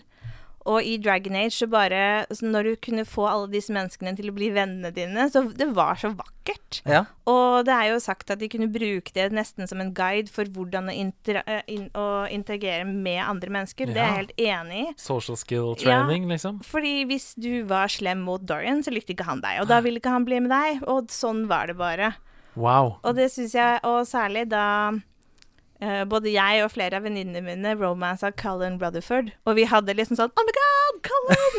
og da hadde jeg Jeg hadde en kjæreste når Dragon Age kom, og jeg følte at jeg var utro. Oh! For når, når Cullen skulle liksom Når jeg skulle romance ham, for du får noen øyeblikk hvor du, hvor du er sånn Nå kan du trykke på hjertet, og da skjer det noe romantisk. Så fikk jeg litt sånn derre se bort på kjæresten min mens jeg spiller. Bare ser du at jeg gjør det her? Nesten som om jeg så på porno i stua. For jeg ble så klein. Jeg hadde så mye følelser rundt meg og Cullen i spillet. Merkelig. Men det er, det er første gang det har gått så langt. Men Dragon Age virkelig gjorde det. Wow. Men, men, det betyr jo da, men det betyr jo da at du hadde jo reelle følelser for Ja, det var, og det vil jeg jo se for meg at uh, man har når man spiller sånn Jeg har bakkekontakt, uh, vil jeg bare så det er sagt. Jeg eh, har en fast jobb og, og betaler regninger sånn og sånn. var ikke sånn jeg trodde vi faktisk var sammen sånn på ekte. Nei, men det er bare noe med å ha den virkelighetsflukten. Ah, det er deilig. som var Det var bare så kos. Jeg, spiller, jeg er sånn som spiller om og om og om igjen, og når jeg først setter i gang med noe, så er jeg sånn Oi, det var 300 timer på save nummer åtte. Oh, shit. Men de aller fleste har jo på en måte en ganske I hvert fall på vår alder har en ganske sånn lik start. De snakker om SNES, de snakker om Nintendo og sånn, men så kommer det liksom et sånn veiskille der, Mm. hvor noen går til PC, noen går til PlayStation, noen går til Xbox, og noen gjør alt sammen. Man velger, sin vei. Ja. Hva, hva gjorde du der? Jeg ble sånn konsoll hele veien. Ja. Og mest fordi at jeg fulgte mye Nintendo. eh, fordi der var Zelda-spillene. Mm. Og eh, Det har vært uh, Dreamcast, det har vært uh, Nei, det er ikke Dreamcast. Nei, GameCube, mener jeg ja. GameCube har jeg. Ja. Så det har, jeg har hatt alle Nintendo-konsollene opp til i dag. Ja. Og spilt Zelda, selvsagt. Kanskje drøyd litt med å kjøpe en ny konsoll før det er et nytt Zelda-spill, for jeg trenger strengt tatt ikke til noe annet enn det. Nei. Men Og så ble det litt sånn Xbox fordi jeg ville ha st større RPG-er, da, siden Mm. Nintendo ikke har tillatt andre spill på sine plattformer før ganske nylig. Nå, eh, i disse Mm. Ja, dager. Mm. så ville jeg jo ha mer RPG. Jeg liker sånn stor open worlds eller sandbox hvor jeg kan bare dille rundt og være sånn bygge hus. Eh, ha, Lær, ja, lær meg å bli en god kokk. ja. Skyrim og Oblivion og Dragon Age og Fables og bare være helt i fantasy-univers hvor jeg kan være lovdydig og redde verden. Super Det liksom gjør meg veldig glad. Mm. Jeg liker å være det i verden og gjøre det helt motsatte. være en torn i siden Men på det- den verden. Har ikke det kommet eh, med voksen alder? Det har For jeg det. følte at du var Mr. Nice Guy før. Veldig, veldig, veldig. Altså, det, det, den ondskapen har kommet sivende inn uh, i min siste år. Jeg prøvde Jeg spilte Jeg er veldig glad i Fallout. Mm. Og jeg skulle prøve å spille Brother of Steel i det siste Fallout-spillet. Og jeg bare Det gjorde vondt inni meg. Jeg Ja, for du klarer ikke å være litt Nei. sånn eh, Nei? Og det, det brøt alt som jeg står for uh, inni meg. Og det var, og, men jeg ville fullføre, for jeg ville ha alle achievementsene. Mm. Så da har jeg spilt gjennom alle, alle de forskjellige fraksjonene. Og Brother of bare øh, Virkelig. Og så, fortet jeg meg og bare OK, nå har jeg fullført det. Skru av, Ja. sånn at det slettes. Og så gikk jeg tilbake, sånn at det aldri eksisterte på Oh shit! Det er hardcore, altså. Jeg Jeg, jeg sånn, Hvis jeg får tilbudet Hvis det kommer en vampyr vandrende og sier du, du får en permanent debuff på at du aldri kan gå ut i dagslyset igjen, men du kan suge blodet til folk som ligger og sover, så sier jeg det tar jeg. Og så klok- når, når neste mission er sånn her uh, Møte opp at dawn uh, med Ops. Damn it. Ops. Ja. Jeg syns Dark Brotherhood er i eh, Dark Brotherhood i Skyrim, så hadde jeg en eller annen merkelig måte ikke noe imot. Nei. Det syns jeg var veldig koselig. Ja, altså, men men de Assassins for the mother i, Ja. i kista. Også, men questene til uh, Dark of the Oblivion var så sykt kule. Ja, det var det, ass. De er veldig kule. Ja, det kuleste Ja, um, og da hvor du på en måte går inn og bak, og så løsner du et elghode sånn at det detter på han og putter giftige epler i lommer. Det var jo magisk. Det er kult. Sant? Det er Så kult. der måtte du spille det. Der hadde jeg faktisk ikke noe stress med det, men det var fordi at det var fantasy og drager, så Ja, fordi, men hva med Riften, for eksempel, i, i Skyrim, som er litt sånn tyver og som går over lik for å Ja, det få syns jeg er kjempegøy. Ja. Uh, men igjen, jeg tror kanskje, kanskje dragene Dragene liksom, og fantasy gjør det litt mer uvirkelig. Ja, ok, ok, ok Men eh, sant? Det, det blir for nærmt for deg i en postapokalyptisk verden. Ja. At sånn, Der kan vi ende opp en gang. Jeg er Ja. ikke keen på å, å åpne Pandoras eske inn mot det der. Ja, jeg tror det er mer når det på en måte er det, det veldig medmenneskelige i en postapokalyptisk verden, så Mm. ble det så feil. Mens når det er sånn Ja, det er en drage på utsida, så tenker jeg ja, OK, men da stjeler jeg den her. Tydeligvis. Er det noen flere høydepunkter fra ditt spillliv du har lyst til å trekke frem, før vi begynner å snakke om hva vi spiller nå om dagen? ja Åh, det her tenkte jeg på, og så glemte jeg det. Mm. Men Men du det lov, du kan, la, du kan tenke, la det ligge, la det ligge litt. Ja. Kan jeg stille deg et spørsmål? Ja. Hvor mange timer har du i Breath of the Wild? Å, herregud. Eh, ja eh, Kanskje Det må vel være noen tusen, da. Noen tusen timer! Wow. For jeg spilte Uh. For nå hadde jeg det på Vi eh, på- Hadde det på Vi. Og så, ja. ja, Ja, ja. eh, og så ga jeg bort vinen min. Fordi jeg tenkte sånn Nå går Breath of the Wild sin vei, men det er jo greit, for jeg kan kjøpe det på Switch. Mhm. Og der er det ikke noe saves, så da ser jeg ikke hvor mye jeg har spilt før. Fy flate, tusen timer. Du har et par timer, du og Hedmeister. Oi, oi, oi. Ja da. Jeg har kost meg masse med Breath of the Wild, men kona mi, eh, Camilla, har nok kost seg enda mer. Ja. Ja, ikke Konami, mi altså som i, selskapet selskapet Konami. Nei. Nei. Konami. Jeg tror nok Samlet så har nok de som jobber i Konami, spilt mer Breath of the Wild enn det kona mi har gjort. Men det er søren ikke så langt unna, fordi hun er crazy banana. Men eh, jeg har runda det, jeg også, og spilt alle DLC-ene, og det er jo et fantastisk spill. Et av de beste som er laget. Ja, det var så nydelig. Og jeg har alle shrinesene, og jeg tok alle draktene, og jeg brukte så mye tid på det og koser meg veldig. Og samboeren min er en PC-spiller, så han og jeg spiller så vidt forskjellig. Og det er kanskje for så vidt det koseligste. Det er å spille spill sammen med samboeren min, hvor han spiller på PC og jeg spiller på konsoll. Spiller vi samme spill. Hvor treffer dere hverandre der? Altså sånn, hvilket spill? Uh, Fables og um, uh, Fallout. Mhm. Ja. Og Skyrim og Oblivion. Men så er det 76? Fallout 76 da, eller? Nei, Fallout 4. Da kan man spille cross Nei, vi spiller ikke cross, vi spiller ved siden sånn. av hverandre. Hun svarte nå på 'hvor treffes interessene deres', altså Ja. hvilket spill. Men du mente helt fysisk. Ja, hvor fysisk. treffer dere hverandre? Ja, ja. Hvor, I hvilken verden er dere treffes? Eh, Vi har en TV på soverommet, og så har han sin PC på soverommet. Ja. Og så sitter vi ved siden av hverandre Ja, fysisk og spiller hyggelig. de Ja, samme men det er så spillene. fuckings koselig, det. Og vi prøvde å ha et PC-rom, og så ble vi litt sånn ensomme. Ja. Så vi endte opp med å ikke spille, fordi vi heller eh, ville sitte Vi var sånn Å, nå skal du få ditt eget PC-rom, og så har jeg mitt eget spillerom.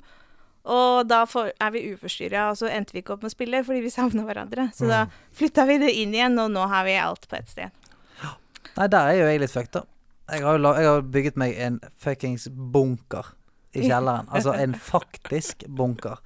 Eh, så eh, Men jeg har, eh, jeg har rigget den opp med TV og sånn. Jeg, jeg prøver å lokke, lokke ned. For jeg syns det er ekstremt hyggelig det der å bare, bare være i samme rommet. Mm. Høre hverandre puste. Og det er veldig koselig. Hvis jeg sitter og klipper nederlandslaget, så sitter eh, I det siste, de siste ukene så har også Camilla begynt å sitte og perle ved siden av. Og det er veldig hyggelig. Vi er snakker jo ikke sammen, vi bare vi er i samme rom og har det Sett der, hver for dere sammen et mesterverk. ja.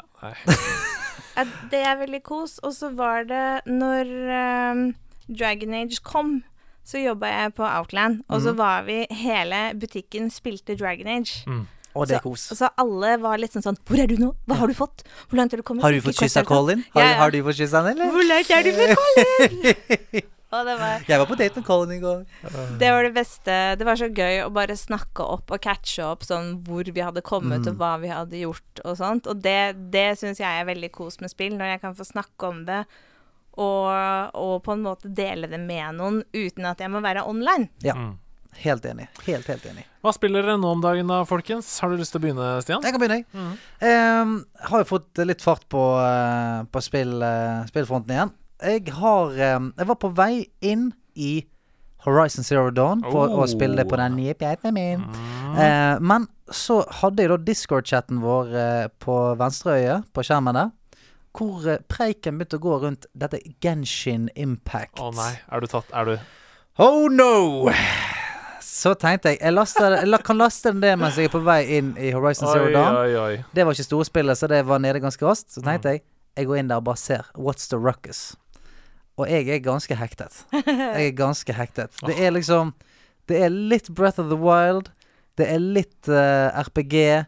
Det er litt uh, Litt av masse gøye ting. Mm. Og jeg har en sånn helt fuckings hypnotiserende sånn progression loop som er det er alltid noe greier å gjøre, og du, får, det, du kan få flere characters, og du kan bygge vennskap med disse charactersene gjennom å gjøre forskjellige missions, og det er bare veldig, veldig gøy.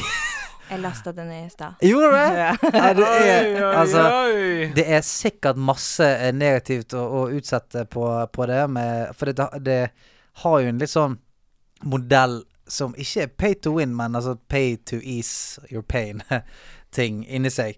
Eh, men jeg har ikke brukt noe penger på det, og det går det, altså, det går så jævlig greit, det. det går, Og det er eh, ja, veldig sånn koselig. Jeg sitter meg ned, så blir jeg ganske sånn Jeg blir fanget ganske med en gang, for du går inn i enten en Jeg er jo ikke så langt, så jeg er jo på en måte en slags main quest-line. Så blir du sendt videre der, og der møter du noen. Å, nå er det en boss her, og world events og shit som popper opp. Jeg jeg er med, altså. Mm. Jeg, jeg er klar. Deilig. Og så har jeg eh, sneket meg innom eh, COD. Bare for å vise at eh, gutten har, eh, har det enda. Var, var det ikke noe som at de nye våpnene var helt uh, OP, og så måtte de justeres og det var et eller annet? Helt sikkert. Altså, jeg, jeg poppet inn der med de loadoutsene jeg hadde for eh, et halvt år siden, Mm. og bare satte i gang med de. Så eh, det kan godt være. Det er en, det er en sånn marksman rifle Mm. som jeg tror du får, må kjøpe gjennom Battle Pass eller et eller Ja. Som har vært litt sånn trøbbel rundt, for den er helt ja, sinnssykt bra. Eh, så det var, det var mange ganger jeg tenkte sånn Faen, er det noen som tar meg på kloss hold med hagle? For det er sånn «Duh!» Så er du bare Du ligger bare i fillebiter. Så Ja. det viser seg nei, det er en sånn Sånn marksman rifle så folk bare sitter de, de, de kan stå på 50 meter, og så smeller det i stykker. Så det har jeg spilt, og jeg, jeg koser meg. Jeg, eh, jeg koser meg veldig. Og spilt litt Crash 4. Sånn på kveldingen. Er det ikke bra? Det er fantastisk. Kjempebra. Det er helt fantastisk. Helt fantastisk. Ja, skal jeg snakke litt, da? Eh, for jeg har begynt på Oi, oi, oi. Jeg har begynt på det første Dragon Quest-spillet i mitt liv. Og har du det, Er ikke ja? det helt sjukt at vi har en gjest her nå som har snakka masse om Dragon Quest? Inquisition, eller? Nei, Dragon, nei, nå snakker du om um, Dragon Age? Dragon Age snakker du om. Ja, hva var det du sa? Du sa ikke Dragon Age? Dragon Quest. Å, Dragon som Quest, sa. ja. Jeg Ja, har begynt ja, ja. på Dragon Quest 11. For det ligger som demo på Nintendo Switch eh, Store. Uh, og så kan du spille ganske mye av det før du eventuelt bestemmer deg for å kjøpe det. Mm. Da. Og det var en lytter som sa Andreas, dette er perfekt for deg. Tenk at du ikke har spilt noen Dragon Quest-spill. Du må spille det. Og nå har jeg testa det. Har du spilt det? Dragon Quest 11.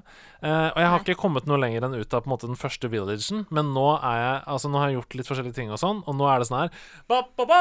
Nå er jeg på eventyr Oh, på en hest shit. ut i naturen. Jeg er på vei. Uh, jeg føler meg som uh, Jeg føler meg som Andreas Link. Eh, ok. kjent kjente eventyreren Andreas ja, Andreas Link. Det er veldig stas, altså. Det er jo kjempebra. Jeg elsker Dragon Quest-spillene. Mm. Og eh, altså, estetikken er så nydelig. Det er så søtt. Og altså, de skumleste monstrene har du til og med lyst til å gå bort og kile litt mm, ja. på haken. Jeg gleder meg veldig til å fortsette med det. Men hva, hva liker du med det? Nei, jeg liker ehm, Jeg liker hvordan det ser ut, Mm. og så liker jeg dialogen. Den er jo Lettbeint? Morsom? Ja, og så eh, ja, Jeg vet ikke, det er en stemning. Det er vanskelig å forklare. Det er litt sånn det er, Jeg får mye av den samme stemningen som jeg fikk i Nino Kuni da jeg Mm, spilte det. ja. Det er sånn derre um, dette er et magisk eventyr. Ba, ba, ba, ba, ba, ba. Bare lev deg inn i det, Mm. uh, og følg med og se hva som skjer. Dette er en levende verden. Så jeg har ikke spilt så veldig mange timer, men, uh, som du sikkert hører. Men, men det, er, eh, det er fint, altså. Det er gøy. Godt å ha deg inne i den store RPG-verdenen igjen. Ja, det er gøy med combat. Jeg syns det er gøy. OK, så har jeg spilt masse Hades. For nå har jeg endelig begynt. Det ser så fett ut! Altså, det er Det ser så Det fett ut. er så gøy! Altså, hvis man, hvis man liker 10% av eh, et um, Roguelike. roguelike-spill, som handler om å levele opp karakteren din og gå inn i en eh, på en måte dungeon og komme lenger og lenger. Gjør et så- run, rett og slett. Et run, og så dø, og så begynne på nytt igjen, da. Men med noen passive upgrades som gjør deg litt sterkere, litt lettere neste gang, litt bedre, så er det Ja, det er en Ja. Historien er fantastisk, karakteren er fantastisk, uh, combaten er flawless. Det er dødsgøy. Jeg ble sittende og se litt på stream jeg, eh, på Twitch på Hades. Jeg skulle bare inn og se, for jeg så noen som streamet der. Ble sittende der ganske lenge, Ja. for det så jævlig fett ut. Det er kjempegøy. Jeg spiller det på PC, men jeg har hørt at eh, Sebastian Brunstad spiller ganske mye på Switch og sier at det er en super opplevelse. Så Nice. verdt å sjekke ut. Helt til slutt så spiller jeg selvfølgelig masse Tony Hawk 1 pluss 2 fortsatt. Mhm. Mangler bare tre objectives. Eh, For å på en måte shit. Ja, for I alle spillene. I begge Å, spillene. fy! oh, er gamers gonna game! Ja, ja. Det er to six score og en secret tape eller noe sånt. Som Oh, shit. Er Hva, hva er six score du mangler? Altså 1,5 eller 2? Nei, nei, det er, det er ikke så ille heller, vet du. Det er 250, 250 bare. Altså, Men du, ja, ja, ja, du er rett rundt hjørnet, på, Ja, eh, på plett. litt Fall Guys også, på slutten. Ny sesong. Sprinkle, sprinkle, sprinkle. Deg da, Tina? Jeg spiller Animal Crossing Animal Crossing. og koser meg mye med det. Det er så lett å Siden jeg er hjemme i perm, så er det liksom noe jeg kan bare gå fra. Ja. Og så står de bare der og diller. Uten at det skjer noe dramatisk. Så det er sånn Untitled Goose Game, Stardew Valley og Animal Crossing. Ah, det er ah. det er en deilig, sånn behagelig suppe av spill, altså. Det er veldig sånn mellow, og så Mm. krever det ikke så mye, for jeg, for jeg er så i ammetåka at jeg, det er bare sånn gå og plukk epler. Ja. Og så Plukke ugress. Ja. Og så liker jeg å få alle disse søte karakterene på øya mi til å si, ha sånne grove catchphrase. Sånn at jeg kan le av det. Så den ene sier Hi, how are you? Hestkuk. En nordlending på øy- øyen. Det er faen Jeg fantastisk. Jeg fant ut at eh, det er ikke alt en godtar, fordi det er en sånn Å nei, det er et stygt ord på engelsk. Ja. Så jeg har begynt med norsk i stedet. Sånn at den sier masse sånne ting. Hello, hestkuk. Og da er jeg veldig fornøyd med meg selv, og så ler jeg hver gang de sier det, og så er jeg kjempebarnslig. Så sitter jeg der med babyen ved siden av, og bare 'Jeg er mammaen din'. I'm a grown person. Animal Crossing kunne ikke komme på et bedre tidspunkt, siden det slapp sånn rett etter at korona hadde startet. Mm. Og det var hjemmekontor, og alt var bare deprimerende. Og så kjøpte jeg Animal Crossing, og bare Og så sa samboeren min 'Hvor mange timer tror du du har brukt eh, nå, Tina?' 'Du har hatt det i tre uker'. Jeg bare 'Ja, 70 timer', sier jeg. Han bare 'Gå og se'. 184. Oh, shit! Og jeg bare 'Å, fy faen'. Det er helt sykt! Hva var det det jeg gjorde? gjorde? Jeg gikk jo wow. ingen sted. Var gravid og kvalm, og, korona lot meg ikke gå noe sted, så jeg satt og spilte Animal Crossing, da. Jeg prøver å gjøre regnestykket, men det er jo Det er mange timer i den, ja. snitt sånn fem-seks timer. Det kan ikke det? Ja, det var sånn eh, jobbe, ferdig med jobb, Animal Crossing, og så, til, eh, og så jobb igjen. Fy faen. Men Har du, har du er øynene ganske freaky da, eller? Ja, jeg, jeg har demontert den flere ganger og Mm. satt den sammen igjen. Og flytta alle husa. Det koster jo blodpris å flytte et hus, men det har jeg gjort, da. Sparte opp masse penger, flytta huset mitt til den andre sida av øya. Demontert bruer og bygga nye. Ja, ja. Så Han Luke han eh, charger deg heavy, han. jeg Ja, syns altså, det er, er så Jeg sleit litt med sånn derre Skal jeg betale for at jeg skal gjøre jobben? Det, den satt litt langt inne. Ja. Han, han, han holder et tight ship, han der showmien som styrer øynene. Ja. Åh, men, men det er mange uh, flere spillpublikasjoner faktisk som jeg tror kommer til å kåre Animal Crossing til Game of the Year Ja. eh, 2020, bare pga. det kulturelle fenomenet. For det er som du sier, det har solgt helt sinnssykt mye, og det kom på et tidspunkt i livet hvor verden Det eneste vi trengte, var Animal Crossing. Vi gjorde det. Og det De nådde vel budsjettet sitt på tre måneder for det de hadde tenkt at spillet skulle selge totalt. Så mye har Animal Crossing vært behøvd. Helt vilt. Og det har, vært, det har hatt en impact som har glidd over i, eh, i alle mulige steder. Altså Folk har søkt Animal Crossing for å få kunsten sin ut, og det har vært eh, Ja, det har, vært, det har tatt sin plass i, i verden, og ikke bare i cyberverden. Mm. Helt sinnssykt. Er det noe annet å spille nå om dagen?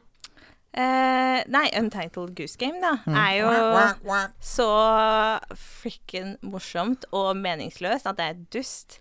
Den der dumme gåsa som går rundt og er bare pøbel. Ja? Elsker det. Ok, Så du liker å rampe litt òg, ja? Det er litt morsomt å honke, da. Uh, når du går liksom Ja, og bare dytter på ting og drar ting. Og det aller beste er når ungen må kjøpe tilbake leken sin. det syns jeg var veldig Først så skremmer du han inn i en telefonboks, og så stjeler du leken hans og putter den i butikken, sånn at han må gå og kjøpe den tilbake. Altså, dette er jo ondere enn Du- Brotherhood of Steel og, og eh, alt. Du er litt Tom Nook sjøl. Kanskje i Untitled Goose Game, kanskje ja, Ja, men ja. Og så syns Og så er det litt Stardew Valley. Når jeg har liksom møtt veggen på alle og gjort alt i Animal Crossing, så er det Stardew Valley. Det er deilig. Hei, kjære spiller på nerdelandslaget. Hei, hei! Det er jo en glede for oss å fortelle dere at vi har inngått et samarbeid med selveste Visa. Hæ? Visa har jo på en måte alltid vært der. Det er jo noe vi forholder oss til og bruker hver eneste dag. Ja, altså Det har jo fulgt oss hele livet, og jeg husker veldig godt hvor stas det var da jeg fikk mitt aller første visakort. Det var både stort og viktig. Foreldrene våre de var opptatt av å lære oss til å være forsiktige, behandle det på en ordentlig måte. Det var en trygghet på en måte å betale med Visa. Men det er veldig mye som har forandret seg siden den gangen, spesielt siden netthandel har fått en enorm oppblomstring, med mange flere ulike måter å betale på. Og det som er interessant, det er jo at statistikk viser oss at Gen Z de har tre ganger så stor sannsynlighet til å bli utsatt for økonomisk svindel online enn oss som er boomers. Er ikke det overraskende? Altså, Det er jo det som gjør at det er veldig viktig at vi kommer tilbake til den der safe shopping mode-følelsen som Visa gir. Fordi altså Uansett om du bruker Visa til å betale på nett, eller på mobilen, eller i butikken, eller på ferie i utlandet osv., så, videre, så gir jo Visa deg eh, beskyttelse og sikkerhet. Det er helt riktig. Visa de overvåker, de oppdager svindel veldig tidlig, fordi de hele tiden er ganske langt framme i skoen med verktøy og teknologi som spiller på lag med oss, og det er trygt og fint. Ja, har, altså, har, har, du eksempel, har du et eksempel på en gang du har opplevd noe utrygt med netthandel? Ja, det tror jeg egentlig nesten alle har. Det er litt vanskelig å unngå i 2024. Det er derfor det er så fint å vite da, at man er trygg med Visa. Jeg har handla på nett fra hele verden. Oh la la! Oh, se på han, han handler på hele internett. Og kortinformasjonen min ble lika fra en internasjonal nettside i 2019. Oi. Jeg hadde kjøpt noen sånne retro fotballdrakter. Eh, og i tiden etter det så begynte sånne små beløp å bli trukket fra kontoen min. Selvfølgelig da, for at jeg ikke skulle tenke over det. Ja, ja. 19 kroner her og 39 kroner der og sånn. Men fordi jeg hadde betalt med Visa den gangen, så var det null problem å få ordnet opp i det med banken. Jeg fikk tilbake alle pengene, kortet ble sletta, og jeg fikk nytt kort. Og Visa vil jo da veldig gjerne informere dere, altså spillerne på laget, at de oppfordrer til å bruke Visa via mobilbetaling ved fysisk handel eh, i butikk. Og hvis du har mulighet til å da eh, legge inn kortet på telefonen din.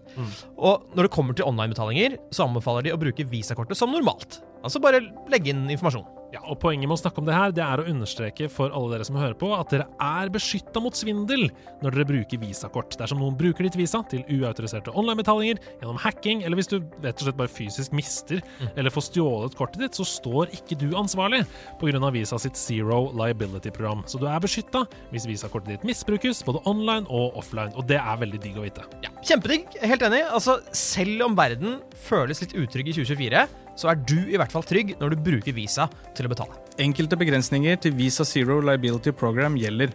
Les mer på visa.no, eller kontakt din bank for å lære mer om hvilke vilkår som gjelder for din avtale. Altså, jeg føler at vi har fått uh, blitt litt kjent med deg allerede. Eh, og det vi skal gjøre nå, gjør at vi kanskje blir enda litt mer kjent med deg. Ha med, ha med deg, Hey, hey. ha med, ha med deg. Ha med ting etter ditt behag, for det har med Outland og henta sko som er malt i magenta? Magenta. En hoppestokk på Fortnite? Fortnite. Solid Snakes knife? En radiostyrt bil? Jævla kul stil! Snakker vi Mario Kart? Snakker vi en giftig dart? Tina sitt liv det begynte i kjelleren på Outland. Kjelleren på Nå har hun blitt redaktør for Nemi og er fortsatt like nerd. Karrierenerd. Men vi er glad for at hun er her, for da har hun tatt med seg en flik av sitt liv. Hva har hun tatt med seg hit til oss? For det jeg har med dag. Å, fy fader. Oi, oi, oi. Det var best. Kanskje, begynte kanskje ikke i kjelleren på Atlan? Nei, kan, nei altså, det, eh, I sang så kan man ta seg kunstneriske friheter. Sånn er det bare. Ja, jeg har med meg eh, Zelda-relatert, da. Oi! Se på dette! Hyrule Historia. Er det hele, er det hele leksikon? Ja. En gang eh, for lenge siden så fantes denne boken kun på japansk. Eh, og så var det en Facebook-gruppe som var sånn Vi vil ha Hyrule Historia oversatt eh, til engelsk. Og så ble det det. Dark Horse tok og kjøpte rettighetene og oversatte den til engelsk og ga den ut. Og den er jo så vakker. Kan vi få se på den? Ja, selvsagt. Ja. Så jeg kjøpte den med en gang. Altså, eh, jeg mener vi har hatt et slags run-in med denne eh, boken her. For vi var på The Gathering helt i begynnelsen av denne podkasten her, og da hadde vi et spørsmål som Ja. var et eller annet sånn eh, Hva er, hva er eh, canon Rekkefølgen. Ja. på, på alle spillene Ja. til, i Zelda-serien? Altså Hvis du skal sette det historisk etter hverandre, Ja. ja, fra start til slutt, hva er da det første til det siste i Og Zelda-spillet? det tenkte vi, det er det ingen som klarer å svare på. Det er helt sinnssykt. Og da kom det en fyr. Rolig, svevende bort på scenen som at han hadde verdens beste tid, og bare lå ut. Ramsa opp Altså- spillene. Ja, men, og ikke bare spillet, men litt sånn uh, uh, Satt og tenkte at ja, men det var før, for da Og så implementerte han alle mulige sånne historiske timelines, og Ja. det var helt fantastisk å høre på. Det er noe av det beste jeg har hørt i hele mitt liv. helt nydelig. Se her. Men den er signert på forsiden. Hva er det? Eh, jo, eh, jeg kjøpte boka med en gang den kom, og syntes den var fantastisk, og bladde masse i den. Og så, noen år senere, så ble, var det en kollega av meg som var i Japan på leketøysmesse, som møtte Miyamoto. Ah. Så den er signert av Miyamoto. Nei! Nei! Er det Jo. det som står her? Jeg skjønte Ja. ikke først før du Da står det faen meg Miyamoto, ja. jeg skjønte ikke at det var det Jeg trodde bare han møtte Miyamoto. Å ja, så du kunne se Men den er signert! Er Få se, nå må jeg se en gang til. Er det min nå? Ja, men, altså, vi klikka jo av at spillet Metal Gear Solid-spillet vi hadde inne her, var signert av Hidio Kojima. Ja. Men dette er jo Det er helt helt sinnssykt. Det er Miyamoto, og det er en sånn deilig signatur. Ja, han har gøy signatur. På, altså, rundt T-en sin så har han to sånne øyne. Kollegaen min hadde fem eksemplarer, og så sendte han ut en mail sånn 'Hvem vil ha?' Og jeg bare 'Fy faen, jeg vil ha!' uh, veldig gjerne. Og så fikk jeg en, og så ble jeg litt sånn «Åh, Shit, dette er min største skatt. Og så gikk jeg hjem og var litt sånn Det var nesten som jeg skulle ha et Fabergé-egg. Ja, Bag med penger rundt det. Ja, ja, så jeg ble litt stressa. Så jeg har ikke sagt til så mange at jeg har den.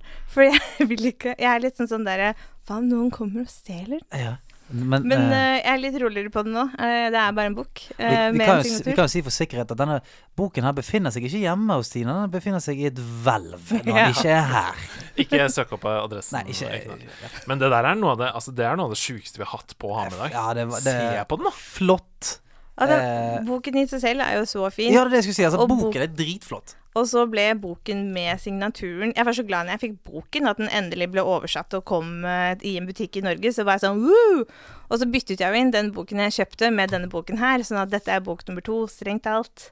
Uh, og da med signatur av det flotteste spillet jeg vet, som har fulgt meg siden jeg var seks år. Syv år.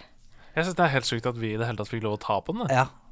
Altså, Altså, det, er tillit. Det er tillit. Helt rått. Og jeg skjønner at du eh, tenker at det er Fabergé, for det, det, er jo det. Er jo det. det, For, det, for meg så var det absolutt uh, det. Og så hadde jeg Og når jeg fikk tekstmelding sånn 'ta med noe du liker', så tenkte jeg 'hva skal det være'? Så kom jeg på at jeg har jo den her. Ja. Men hvilken plass har den hjemme hos deg? Og den står Det finnes tre bøker.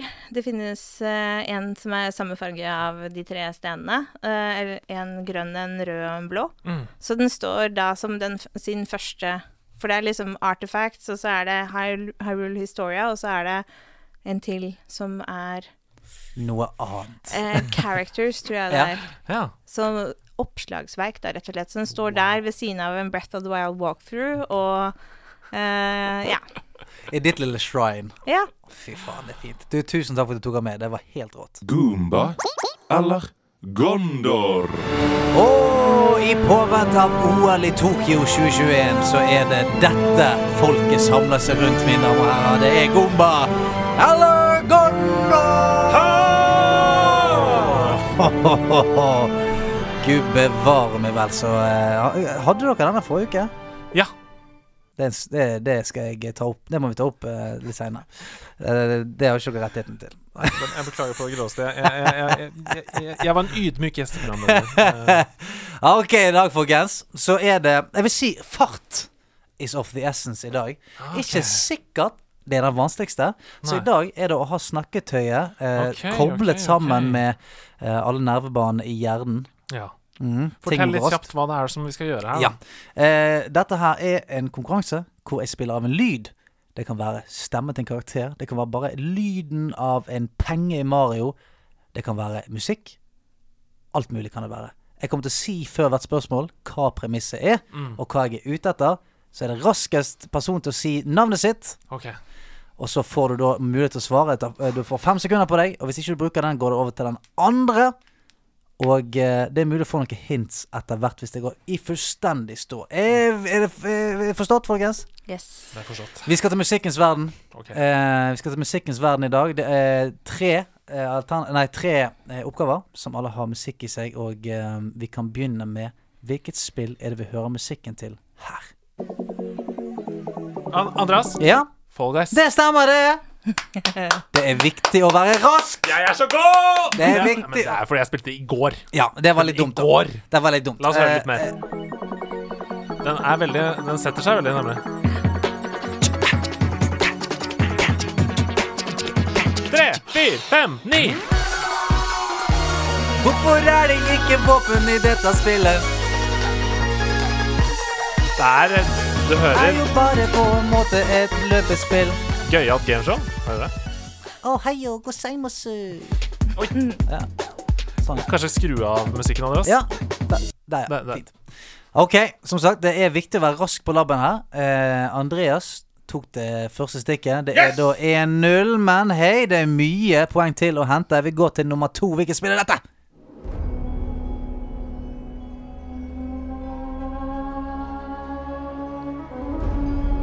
Andreas, Ja? Er det Ghost of Tsushima? Nei, det er ikke det. det er ikke det. Ok, Da har du free pass. Kan du tenke deg til å høre litt, eh, Tina?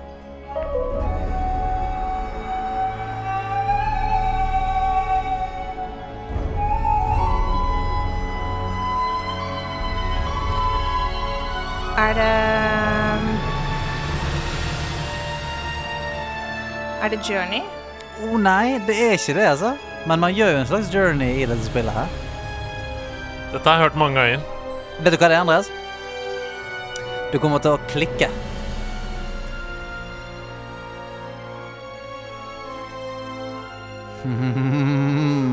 Andreas, Ja. er det Spiderman? Nei! Det Men det er noe sånt. Ja, nei, nei. Det vil jeg, Jeg har på- hørt det mange ganger. Du, jeg kan love deg at du har hørt dette mange ganger. Dette har du hørt mange ganger. Er det Tina Er det Batman? Å nei, det er ikke det. Jeg, dere skal litt vekk fra den sjangeren som ok. dere tenker på nå. Skal litt vekk derfra. Nei, men Jeg har jo hørt dette før. Jeg har jo Du har- brukt det du- til og med i denne podkasten. Jeg må ha Altså, gjort det. jeg vet at du har i hvert fall hørt dette. La det være et hint, kanskje. Du har i hvert fall hørt dette. Nei, jeg, det står helt Jeg har helt brain freeze. Folkens, dette er Drømmefall. Nei! Uh, fuck. Nei, nei, nei! Dette er Drømmefall. Dreamfall. Nei, nei, nei, nei, nei, nei. Det er en skandale. Det er klart det er en skandale. Ja. Dette var favorittspillet din, ikke? Ja, altså Den lengste reisen er jo favorittspillet, men uh, jeg har jo også spilt Drømmefall. Mm. Ikke like mye, riktignok, men Nei. jeg har jo jeg har, ja, jeg har jo runda det. Ja. Så. Den er vanskelig. Den er vanskelig. Det er lenge siden Åpenbart veldig lenge siden jeg spilte. Ja, Og så blir man litt lurt der, for man er liksom innom litt sånn Ghost of Shushima-stemning. Det er Ja. noe woo-woo! Ja, ja. Og så, skal man, så går man rett over i et slags sånn Marvel-ish, eh, Ah. grandiost lydbilde. Så jeg det skjønner. Det var jeg skjønner at man blir hivet under eh, bussen der, men det er eh, Det er 1-0 fremdeles, og vi skal til den tredje. Hva spiller dette? Tina, Ja. er det Fallout? Hvilket? Eh, 76. Nei, OK, eh, du får et poeng. Du, kan, du har tre sekunder på å si hvilket du tror det er. Andreas. 3. Nei. Det er, Vegas. det er New Vegas. Men du skal få et poeng for eh, Fallout. Ja, det syns jeg skal ha. Ja, Så det er Fallout New Vegas. Vi kan spille litt av den, for jeg syns den er en av de kuleste sangene på den Uh... Det er et eller annet gøy med å drepe mutanter, den musikken her. Her kommer det.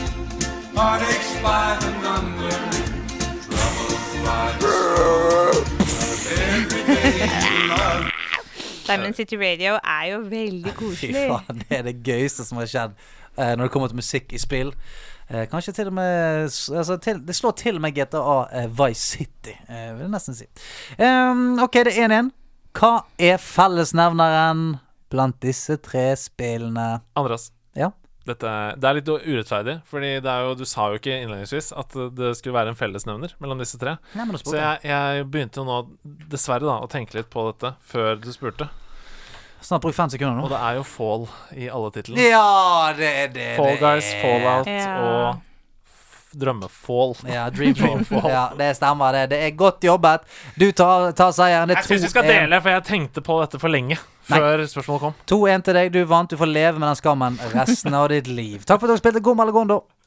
Bue og pil, men ingen jeger. Et lys i det fjerne, men ingen lanterne. The cake is alive. Spretter ved suksess. Kojima-koden. Vi er i Kojima. I, I det Kojimas spøkelse som kommer Jeg turte ikke. Jeg hadde tenkt å si ja, men så kom det aldri noe ja. Så det ble til et ghost. The Ghost of Kojima isteden. Men Kojima-koden er altså en spalte hvor jeg skjuler et spill i en slags rebus. Og dere må gå sammen for å løse hvilket spill det er jeg har skjult i denne rebusen. Og jeg har, fordi jeg fikk vite på forhånd at du var såpass eh, nerd som du var, eh, så har jeg gjort Det er vanskelig, altså. I hvert fall Altså ja, det, det er vanskelig fordi det kanskje ikke er de aller mest kjente spillene heller. Så, men dere må virkelig eh, prøve å tenke her. Eh, første ledd, Hvis dere klarer koden i første ledd, så får dere to poeng. Klarer dere koden i andre ledd, får dere ett poeng. Og her kommer den første koden. Er dere klare? Ja. Mange veier til seier. Bli til murvegg eller sett fyr. Mange veier til seier. Bli, bli murvegg. Eller sett Bli fyr. til murvegg eller sett fyr. OK. OK. Eh, hvilke spill, spill er det hvor, eh, hvor man kan transformere seg til noe? Er det spill med elementer, kanskje, som man kan ta låne kraften til? Hmm, det er jo eh, betimelig å tro det. Mm. Bli til murvegg. Bli til murvegg. Eller sett fyr. Hva, hva, hva tenker du når du hører dette, Tina? Jeg tenker ehm, eh, Jeg tenker bare Fire Emblem, men Ja, eh, ikke sant, ja. Ja, for Fire Emblem det jeg har jeg ikke spilt. Nei. Eh, men kan du bli til murvegg, da? Nei, jeg har ikke spilt det så mye selv, så det, det er bare det eneste som uh, satte seg i hodet mitt. Jeg kan, jeg kan avsløre at det er veldig mye mer køddete enn som så. Dette er, det er arcady, på en måte. Det er arcady. Ja, altså Det er jo det. Altså, det er jo ikke Det er ikke naturlig eh, i den settingen vi er i, å bli til murvegg, for å si det sånn. Ok. Så det er en power-up da du plukker opp. Ja, det er, du plukker opp en power-up som gjør det til murvegg.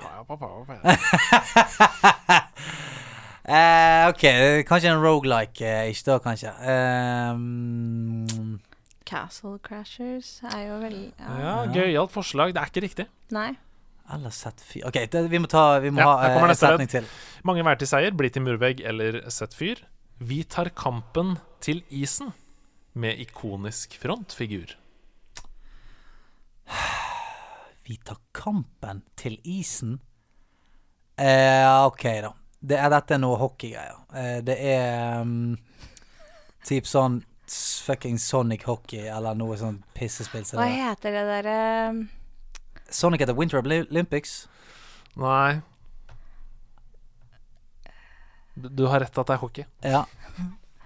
Det er jo den De snakket jo om det i den derre dokumentaren som ligger på Netflix nå. Ja, g- g- Game over? Ja, Eller game nei, on? Eller High, High score, high High score, ja. score. Mm. ja.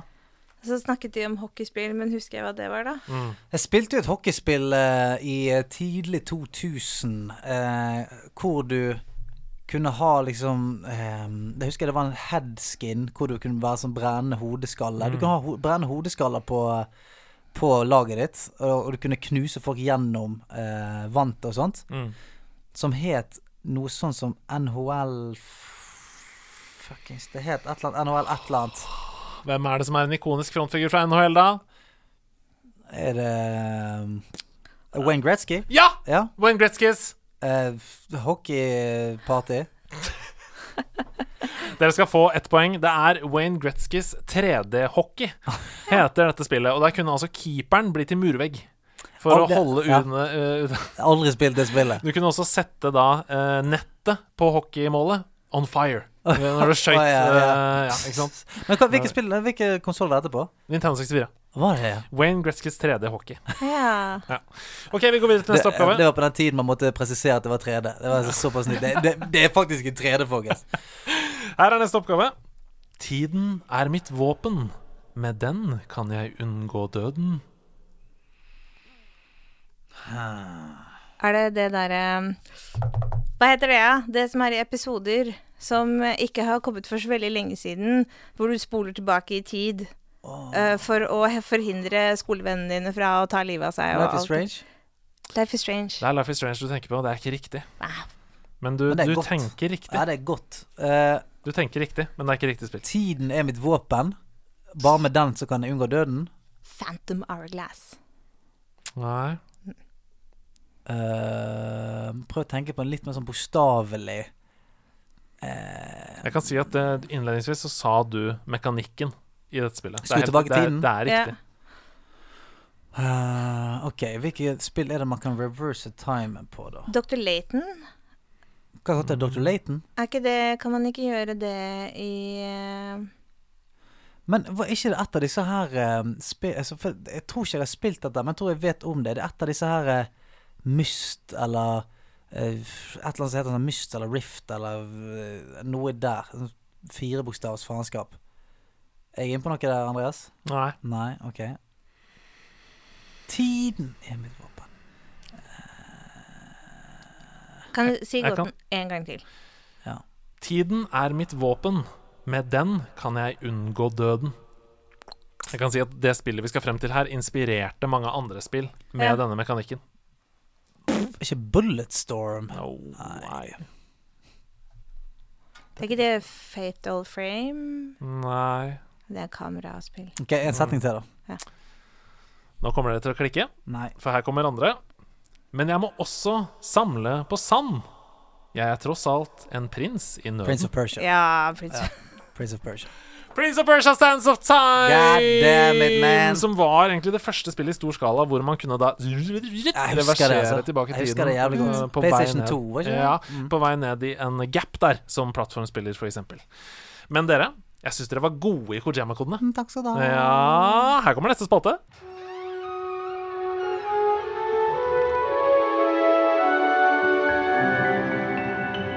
Troféskapet.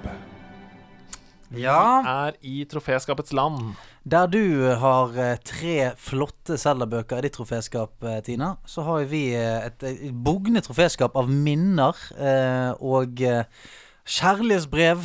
Eh, nostalgiske små perler eh, som vi prøver å lire av oss her. Og i dag så er det Andreas Hedemanns tunge som skal få jobbe. Hva skal du snakke om? Jeg skal snakke om uh, en følelse av isolasjon. Noen spillopplevelser skiller seg ut. De er ikke en del av en serie eller noe vi har sett frem til i årevis, og de trenger heller ikke en oppfølger. De er enkeltstående perler som oppleves, setter spor og legges vekk igjen. De er som Forest Gump, perfekte i seg selv. De er også som den ene gangen du satt på en benk i en park etter den siste eksamen i livet og tenkte den følelsen som jeg har nå, dette øyeblikket her, det får jeg aldri igjen, og det trenger jeg heller ikke. Det er perfekt akkurat nå. Sånn var mitt møte med Shoshone National Forest, nasjonalparken midt i hjertet av Wyoming, gjennom den slitne skogvokternovisen Henry og Delilah, stemmen i walkietalkien. Spillet var Firewatch, og Firewatch var 2016s Forest Gump. Men ikke helt umiddelbart, og det kommer jeg tilbake til. Jeg har alltid vært glad i mitt eget selskap. Jeg kan bruke timer og også dager alene. Jeg liker å være i naturen. Jeg liker å sove i telt, sitte ved et vann, tenke på ingenting og vite at det er langt til alt og alle. Og derfor skjønner jeg også så godt at dette var løsningen som Henry, hovedkarakteren i Firewatch, bestemte seg for etter å ha mistet kona si til demens. Henry melder seg som brannvakt eller skogvokter sensommeren 1989, året etter en av de største branntragediene i USAs historie, Det er 3213 kvadratkilometer av Yellowstone nasjonalpark brant ned til kun brent jord var igjen. Og for å sette det i perspektiv, det er fire ganger størrelsen av New York City, eller 10% av hele Belgia. Med andre ord så var jeg litt shaky da jeg alene klatret opp i tårnet som skulle bli Henrys eller mitt hjem, helt mutters alene, de neste månedene. Var dette her ansvaret mitt og mitt alene? Men etter hvert så fant jeg roen i utsikten, i feltsenga, i egne tanker og Delilah, stemmen i walkietalkien som satt i det andre branntårnet langt der borte i horisonten. Vanlige gjøremål som å etterforske litt uskyldig fyrverkeri og lignende gjorde meg trygg på at jeg var rett mann for jobben inntil ca. én måned inn i arbeidsoppgavene, hvor det begynte å skje ting som gjorde at jeg var forsto at jeg var del av noe større og mye farligere. Firewatch er en mektig spillopplevelse i all sin minimalisme. I løpet av de fire-fem timene som spillet varer, så møter man nesten ikke et annet menneske. Og derfor så blir det så sterkt når man først gjør det. Firewatch er følelsen av isolasjon og ensomhet der virkeligheten viskes ut med en snikende følelse av at noe er litt off. Noe er galt. Da jeg var ferdig med Firewatch, så satt jeg igjen med en litt tom og uforløst følelse. Hva hadde jeg egentlig opplevd? Hva var det de prøvde å si? Jeg la spillet fra meg, men jeg klarte ikke å glemme det. Noen uker senere så spilte jeg gjennom spillet en gang til, og det løste floker i hodet mitt og ga meg et helt annet totalinntrykk. Firewatch satte seg. Den 17. august i år så annonserte Campo Santo at de sammen med Snoot Entertainment jobber med å gjøre Firewatch til en kinofilm. Og gjør de det med all den kjærligheten de la ned i spillet, så er det bare å se frem til en filmopplevelse du ikke kommer til å glemme med det første. Du vet, den som gir deg følelsen av at dette her, det er perfekt akkurat nå.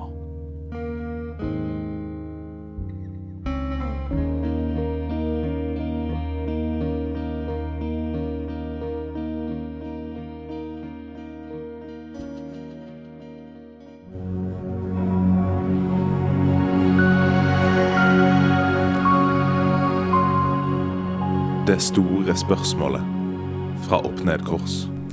Lenestolen knirker idet du setter deg ned i den. Camferdropsene og fyrstekaka er innenfor rekkevidde, akkurat slik de skal være. Uret på veggen slår tre ganger, noe som betyr at det er middagsmat. Sviskegrøt nå igjen? Det håper jeg virkelig. Middagen nytes til det fulle mens bolledeigen står til heving på kjøkkenbenken, og barnebarna kommer snart på besøk. Hvilket spillunivers vil dere nyte pensjonisttilværelsen i? Hilsen da opp ned-kors, som er en lytter som sender oss da et sånt eh, stort spørsmål hver eneste uke. Ehm. det er et stort spørsmål. Ja, Leve sine liksom siste og flotte dager. jeg tror jeg ville levd i Journey. Oi! For det, det var så Det er jo kanskje to og en halv time å spille gjennom Journey. Mm. Men det er som å spille en følelse. Ja. Når du er ferdig, så er du varm og bare Åh, dette var fint. For uansett hvor glad jeg er i drager og helter og alt, så vil jeg ikke pensjonere meg der. Nei, Jeg, jeg vil pensjonere meg behagelig. ja. Så i ørkenen der, da? Eller for du vil ikke under, uh, Nei, under der hvor det begynner å bli freaky? jeg ville på en måte morfet inn til uh, dette kappevesenet, sånn at jeg bare kunne liksom sånn wow, rundt omkring. Flakse rundt på Ja. de eh, evige duner. At det kanskje var etterlivet mitt, sånn type Ja, nå pensjonerer jeg, vær så god, her er kappen din. Bare flyt, flyt gjennom der til du er ferdig. Mm. The end. Her er kappen din, her er ørkenen din. eh, Mm. Vi snakkes. Fan, det må jo være ganske bra for staten. Det er jo ikke noe pensjon sånt, så du trenger ikke noe pensjon der ute. Nei. Nei. Nei, man spiser jo heller ikke noe i det universet. Du trenger ikke noe mat. Du trenger ikke Nei, og så er det bare vakkert og fint rundt deg, og du er flytende, og Men hadde ikke du blitt lei det på sånn dag syv, tror du? øh, Har du ikke spurt hvor mange timer jeg har brukt på de forskjellige spillene? Jeg har jo ikke det. Nei. Jeg har, jeg har ikke det. Jeg skjønner, ikke spørsmålet. Hvor mange, hvor mange ganger har du rundet Journey? Nei, det har jeg faktisk Det, ble, det lånte jeg bort fordi jeg syntes det var så vakkert, og så fikk jeg det aldri tilbake. Så vakkert var det. så Eh, vakkert var så det er nok på vandring et eller annet sted rundt omkring. Ja, journey på Journey. Ja. Ja, kan Altså, en, eh, en, en 30 år potensielt i ørken eh, det er Ikke helt for meg, tror jeg kanskje. Kanskje Detroit Become Human. Oi! Inni Eh, der, ja. ja. Men er ikke det litt sånn skummelt med AI? Nei, men altså, disse AI-ene eh, er jo veldig fin på noen måter, da. Mm. Altså sånn som eh, i Detroit Become Human, så er jo det en, en gammel kunstner som Mm. har en sånn eh, en android som på en måte tar seg av han, og de blir, de blir gode venner, og han er jo på en måte eh, sikkert, Han er jo programmert selvfølgelig til, til å være en, eh, en god venn og være en caretaker. Mm. Så jeg vet ikke, jeg kunne liksom vært tilbøyelig til For sånt eh, man, Jeg har i hvert fall ikke lyst til å være sånn Hvis jeg blir 80 år, så har jeg ikke lyst til å være sånn at jeg trenger at mine, mine barn og alt mulig skal må komme på besøk til meg hele tiden. For at nå pappa og bestefar trenger litt selskap her. Da Mm. hadde jeg levd, helt fint med å hatt en to-tre sånne Android som uh, var vennene mine. Selv om jeg innerst inne visste, visste at de var eh, programmert til det, så skulle jeg på en måte eh, eh, latt meg tro at uh, jeg hadde i hvert fall hatt selskap hele tiden. Mm. Mm. Ja, jeg sitter og tenker litt på Det er to ting jeg tenker på. Det første er um, en slags hybrid Det er ikke lov, vet du. Det er ikke lov å hybride Nei, her. Ikke noe hybrid, jeg, for, jeg tenkte på liksom Skyward Sword oppe hos, uh, Zelda der, oppe i skyene, liksom. Yeah. Eller um, Windwaker, og bare ha en liten sånn båt da rundt på havet der. Og bare kose seg med noe deilig fiske på kvelden og sånn. Men jeg tror Altså, um, det nye spillet til Mattis Folkestad som heter Embracelet ja. I Embracelet så er du på en uh, fiktiv øy i Nord-Norge. Og på den øya så møter du et gammelt ektepar som har pensjonert seg. Ja. Og de har det så fint. Han eh, driver og justerer litt på antenna si for å få inn fotball på TV-en, og hun er litt sånn Og det, det livet der, da, det er sånn rolig. De er eh, Jeg fortalte litt i troféskapet om den følelsen av isolasjon og, og kunne liksom Men ikke være helt av fra omverdenen. Det kommer en båt en gang om dagen, liksom. Du kan Hei, hei. Ja, høre hva som skjer, og Så ditt, roe ned, liksom. så ditt spillunivers er Nord-Norge, eh, Embracelet-universet, tror jeg kanskje. som er i Nord-Norge? Ja, på, på øya der oppe. Ja, men det er fint, det. Mm. Slepp heter øya. Ja, Den fiktive øya. ja, for det er ikke et sted som heter Slepp. Nei, det er ikke det. Slepp. Nei, det blir jo enten det eller Resident Evil, da. Men er vi fornøyde der, eller? Ja. Ja. Deilig. Hva står det på korktavlen? Har vi fått inn noen stemmer i dag? Halla, gutta. Hei. Jeg, jeg trenger hjelp, ass. Jeg så det der Harry Potter Open World-spillet og ble bare helt blåsvekk. Jeg, eh, jeg ser for meg at det er min Red Dead, da, hvor jeg bare elsker å ri i 15 minutter bortover. Og jeg merker at når jeg er blitt litt eldre nå, så kommer jeg til å switche fra PVP hardcore grinding til RPG. Og i den anledning så virker jo Ultimate Game Pass helt vilt. Og jeg vurderer å gjøre det store byttet. Tross Jeg vurderer å komme ut av Xbox-skapet og bare bytte plattform fra PS5 til Xbox. Eh, eh, Gi meg noen tips. Altså eh, Eh, Seven Bet Fold som har sendt inn eh, Seven. Bet Fold. Eh, veldig fin stemme på gutten, Ja. må jeg si. Eh, Skryt av den først. Nei, altså, jeg er jo Det er jeg helt enig med han i, er jo selvfølgelig at Har du sett uh, traileren på ny Harry Potter? eh? Nei, det har jeg ikke. Altså, der kommer Det du ser der kommer du helt sjukt jeg. Ut. Det er altså et liksom open world RPG i, uh, som begynner i Hogwarts, og så bare ja. Jeg elsker Harry Potter. Ja, det er så, så gøy. Ja, det ser kjempegøy ut. Og jeg er også helt enig med at Ultimate Game Pass ser ganske Det ser ganske rikfoldig ut. Ja, det, ser er- faktisk ganske crazy ut. Ja, det, det ser ser ut som uh, en, en vilt value for money, rett og Ja. Så jeg, jeg tenker at hvis ikke du kjenner på noe sånn direkte eh, At det er sånn Ja, men det er PlayStation for meg, ferdig. Og hvis, altså sånn, hvis du tenker at det GamePasset ser helt awesome ut, og du har lyst til å bruke mer tid på storiespill og sikkert, du har sikkert en, Hvis du har hardcore PVP-grindet i noen år, sikkert en psycho backlog av dritfete spill som eh, du er keen på å spille, som mest sannsynlig ligger i det Ultimate GamePasset. Det ligger for veldig mye bra der. Så tenker jeg faen, go for it, man. Go for it, man. Jeg tenker også det, jeg tror ikke det er i hvert fall Det er ikke noe eh, tap å prøve eh, Xbox Series X med det nei. Fordi herlighet så mye bra det er der. Men man mister jo litt sånn eksklusivt der, da. Det gjør du. Altså sånn det, Men det er jo det som er vanskelig med denne, det valget her av konsoller. Er sånn Man vil jo alltid gå glipp av et eller annet som man mest sannsynlig har lyst til å spille. Det er sant, det. Det er ikke så mange ex- exclusives nå lenger, er det vel? Det er vel Nå sa Fables blir vel Xbox eksklusiv når det kommer igjen. Og så er det The Last of Us, Ja, som er PlayStation. PlayStation har jo De har iallfall uh, sånn God of War har jo vært uh, eksklusiv. Det nye Spiderman-spillet blir eksklusiv. Uncharted var Ratchet and Clank som kommer nå, blir eksklusiv. Og da er det den tittelen som de har på en måte teaset mye av PS5 med. Det Godfall, er det det heter? Ja, noe sånt. Mm, ble jo, Eh, eh, Ubi- Ubi-spillet. Mm. Ja, så, det, så PlayStation er jo, har jo vært veldig flink sånn historisk sett å komme med ganske sånn must play eh, exclusives, syns jeg, da. Eh, men eh, altså med alt det der eh, opplegget som Microsoft holder på med nå, og kjøper faen opp Ja. halve verden, så, Bethesda ja, ja. så skal ikke se bort ifra at eh, de, de rigger opp til noe som man må eh, få med seg der òg. Hva tenker du? Jeg har kjørt Xbox eh, hvis jeg ikke har kjørt Nintendo. Mm. Så jeg kommer ja, men Nå har jeg et sånn hatforhold til Xboxen min, fordi den må oppdatere hele tiden. Mm. Og det syns jeg er Da blir jeg sur. Hvis det er sånn Ja, for nå skal jeg spille. Å, faen. Jeg har to timer. Må Men, laste. men sånn er det ikke på PlayStation. Den oppdaterer seg når jeg er i dvale. Men det er på PlayStation Plus in, inkludert, da. Men er det ikke sånn på Xbox?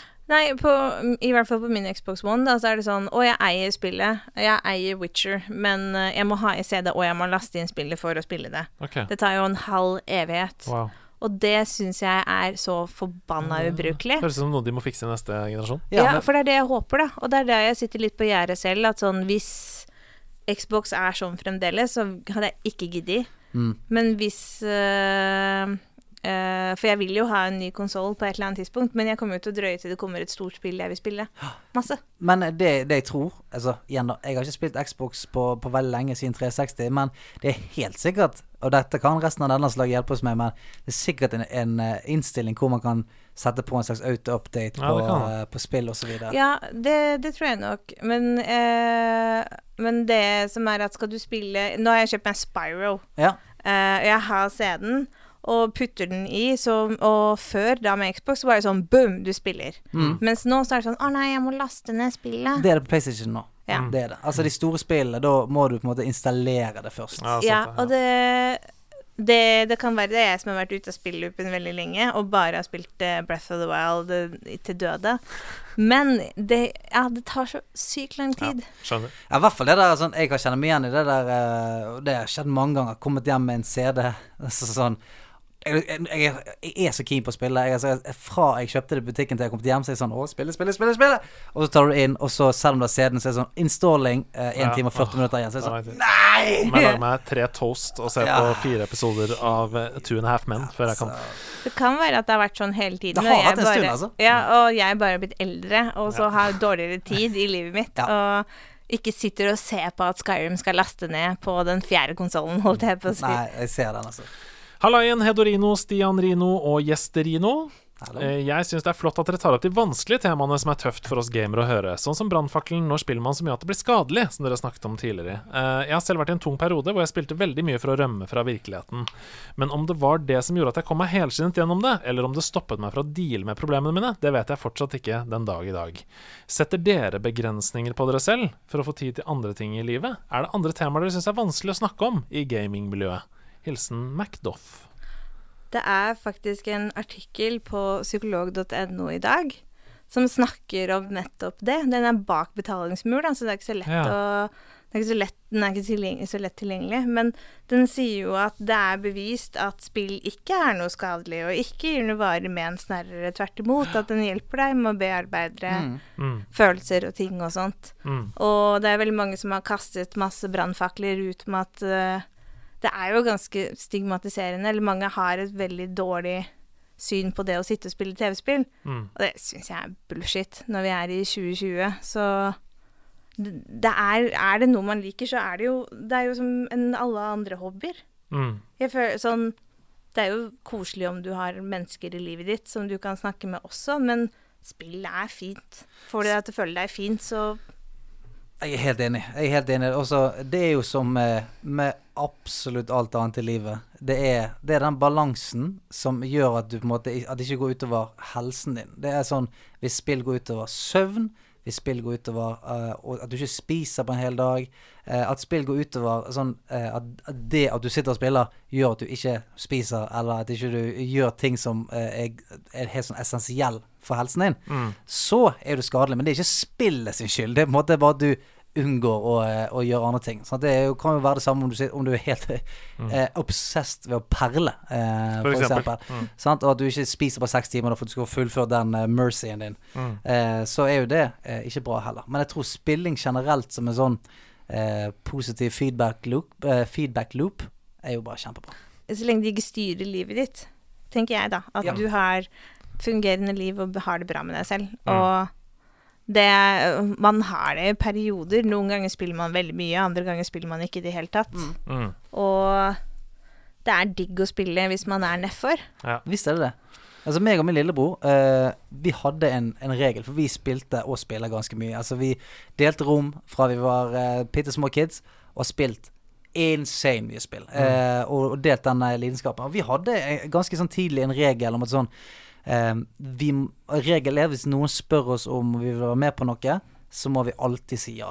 Mm. Altså, det var bare en sånn regel som vi lå som en sånn baseline. At det er sånn Hvis noen ringer og sier skal dere være med på fotball, fotballbanen, så blir vi med på fotballbanen. Hvis det, er, eh, hvis det er sånn at det er fotballtrening, så går det på fotballtrening. Det må aldri være sånn at du velger vekk eh, andre ting Mm. av spilling, bare fordi at sånn Å, nå var det så gøy å sitte her. Eh, sånn At man har den rutinen om at eh, man går og gjør det, så kommer man tilbake igjen til det etter man har gjort det man skal. Sånn at Mm. eh, det, det hjalp meg veldig eh, resten av livet òg, for jeg har jo fremdeles sånn at jeg kan bli så oppslukt at jeg kan sitte og spille til jeg sovner. Gikk det og tar det. Mm. Ja, ja, altså det er ingen, ingenting i meg som er sånn Jeg har lyst til å slutte å spille. Det er kun sånn en sånn ytre regulering av at nå bør jeg sove snart. Sånn, Men eh, fy faen, jeg elsker å spille. Sånn at eh, der òg har det samme greien. Hvis jeg har satt meg ned på en fredagskveld og tenkt sånn Ok, nå skal jeg spille fem timer, kose meg, og en kompis ringer og spør kan jeg komme bortom, så er jeg sånn «Åh, Ja, selvfølgelig kan jeg Mm. komme bortom. Mm. Selv om jeg vet at det betyr at jeg ikke kan spille. Selv om hele kroppen Det tror jeg er en fin eh, golden rule. Altså. jeg tror det, selv om hele kroppen min sier Si fuckings nei. Si at du er opptatt, for å, da har du gledet deg så mye til å spille. Sant? Ja, jeg er helt enig. Selv om jeg har tenkt at nå kommer jeg hjem, og da skal jeg sitte og spille hele kvelden, og så vil samboeren min prate om et eller annet, eller noe eh, venninna mi trenger å ta en øl, så Mm. sier jeg jo ikke Nei, vet du hva, jeg skal hjem og spille. Ja. Jeg kan bare si eh, kjapt avslutningsvis at et tema som jeg syns er vanskelig å snakke om i liksom gamingmiljøet, det er måten gamere snakker til hverandre på. Mm. Uh, når man kommer eh, på voice, gjerne, eller i tekst, eller uh, og plutselig bare blir en avatar, da, så syns jeg majoriteten Det er så hard tone, og så kan man fort rage og si ting til hverandre som ikke er innafor, da. Og det kjenner jeg selv også at kan skje, liksom. Så jeg syns vi må bli flinkere til å behandle hverandre som ordentlige mennesker, selv om vi sitter bak skjermer. Mm. Ja, det er veldig lett å Nå spiller jo ikke jeg noe særlig online, så jeg er veldig beskyttet fra det. Mm. Men jeg merker jo at det er veldig lett uh, at folk har en veldig lav terskel for å slenge dritt til noen de ikke ser. Jep. Som alt annet som er online. Og en annen ting er at man tillater seg, eh, og det har jeg vært borti mange ganger, enten i sånne tilfeldige lobbyer eller i lobbyer med folk som jeg kjenner litt og sånt, er at uh, man tillater seg en litt sånn uh, uheldig holdning til Ja. ting som man ikke ville hatt i virkeliglivet, og som man heller ikke har.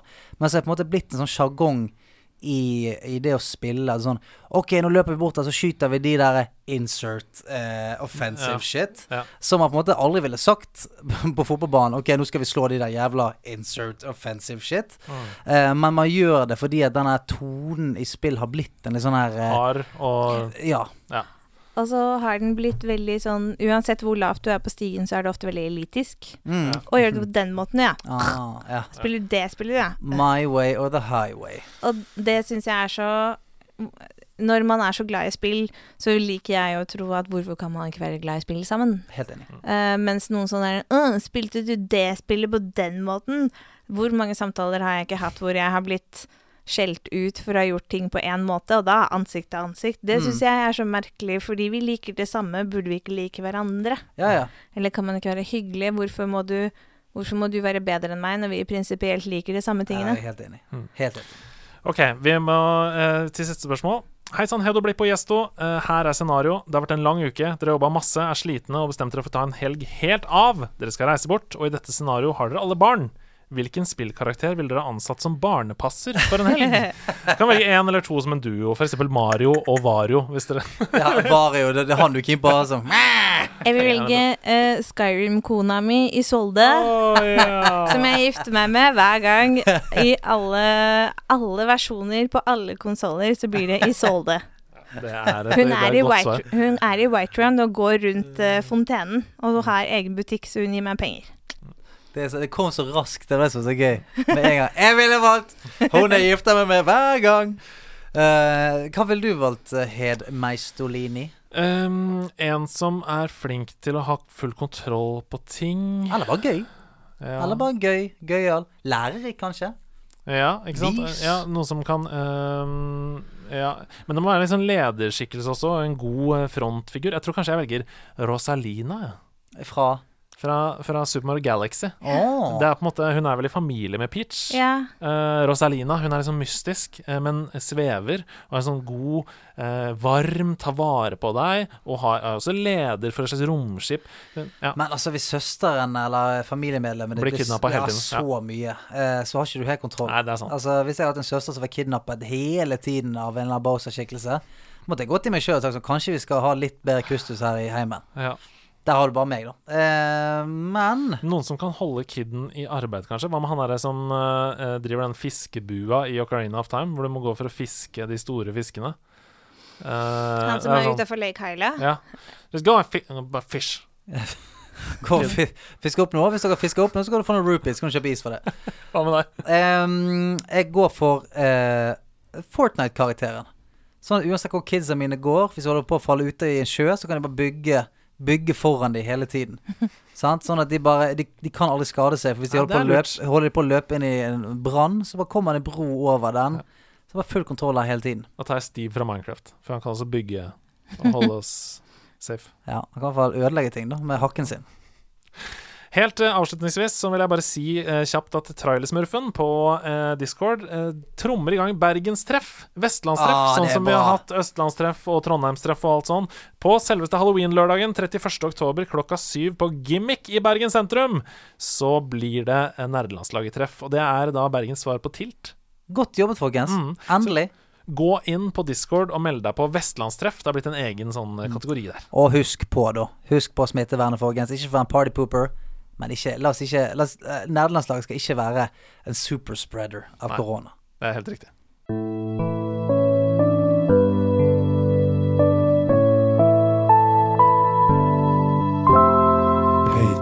Perler. I dag er det merkelige greier, Hedemann. Ja, jeg gleder meg. I dag er det merkelige greier. Uh, bare si fra når du er klar. Skal jeg sette tonen først, før du setter i gang? Patron Paler er jo da den spalten hvor vi leser opp navnene på de som backer oss på Patron, på de øverste tearsene. Um, de har fått da navnet sitt, og vi har gjort det på stadig mer absurde måter. Jeg har lagd anagrammer av alle navnene. Vi har hatt uh, rapper, vi har hatt opera, vi har hatt veldig mye forskjellig her. Så jeg er veldig spent. Nå, nå er jeg klar. Nå er jeg klar. Ok, uh, vi er Settingen her er at vi er i um, et slags um, En et middelaldersk uh, slottsfest, kan du si. Og jeg er jo da en eh, Jeg tar roll som en hoffreporter, som på en måte da sier hvem som ankommer, og eh, ja. Ja. Holder litt koll på, på hvem som ankommer festen, og kanskje, kanskje sier et og annet om antrekket nå. Hva vet jeg. Veldig spent. Hjertelig velkommen. Kong Arthur Gulla ser vi her, kommer her ikledd sine flotteste gevanter. Hvit hatt, blå votter og gjennomsiktige strømpebukser. Der har vikingene kommet seg, ledet an av giganten Bjørn Thorsson. Mjødhorn er på plass, og øksen ser ekstra skarp ut i aften. Forutsyn.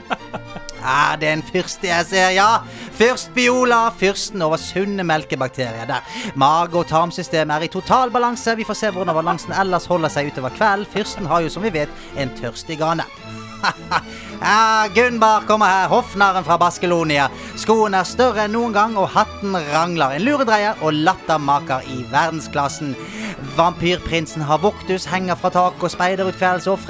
Kappen er sydd i Transylvania, og tennene kvesset i Stavanger. Virkelig pynte seg i dag, ser vi. Lord Henrik Apeland av Pants Worthington har dukket opp med sine krigskompaner lord Herman Høgenes Kvinsland av Frakk Masterfield og Ivan Slakteren Olimb av St. Preitstadsbroche. En erobrende trio. For en trio!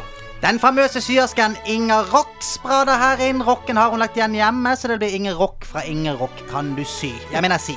Eh, hvem er det jeg ser i skyggene bak paven, da? Jo, men er det ikke leiemorderen Snik fra Bortekistan? Han trukket i sort fra topp til tå og to feiende flotte dolker som accessoar. A look to die for. Sir John David Johnson prøver å finne et sted å sette sin tolv meter lange lanse, hvis det er lov å si.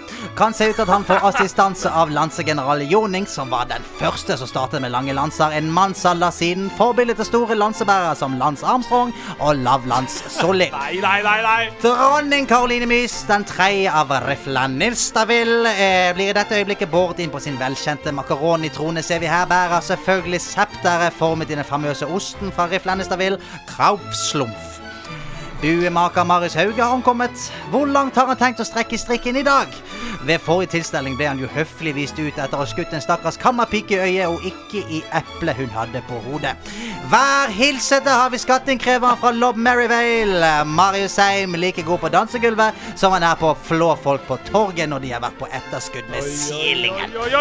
Ser Martin Lone Nuland, ser vi her, kommer rett fra slagmarken, kan det se ut til. Hans eneste kavaler er et avkappet hode som han nå viser stolt til forsamlingen. La oss håpe at de ikke tar betalt per hode i kveld, da, Søren Uland. Sverdmesteren Ole Theodor Klingen kommer fekten inn her nå. Angard! Den eneste festdeltakeren som nekter tvert å spise med noe annet enn sine trofaste stikkvåpen, kniv og gaffel. Nei takk, sier Klingen. Tilbake fra sin reise i Østen ser vi her Ole Martin Bukong Sætvedt, som fikk navnet sitt Bukong etter at han stanget hodet i gongongen i klosteret hvor han trente. En mester i Østens kampsport i kveld blir vel vi å se mester Drunken Monkey-stil, tenker jeg.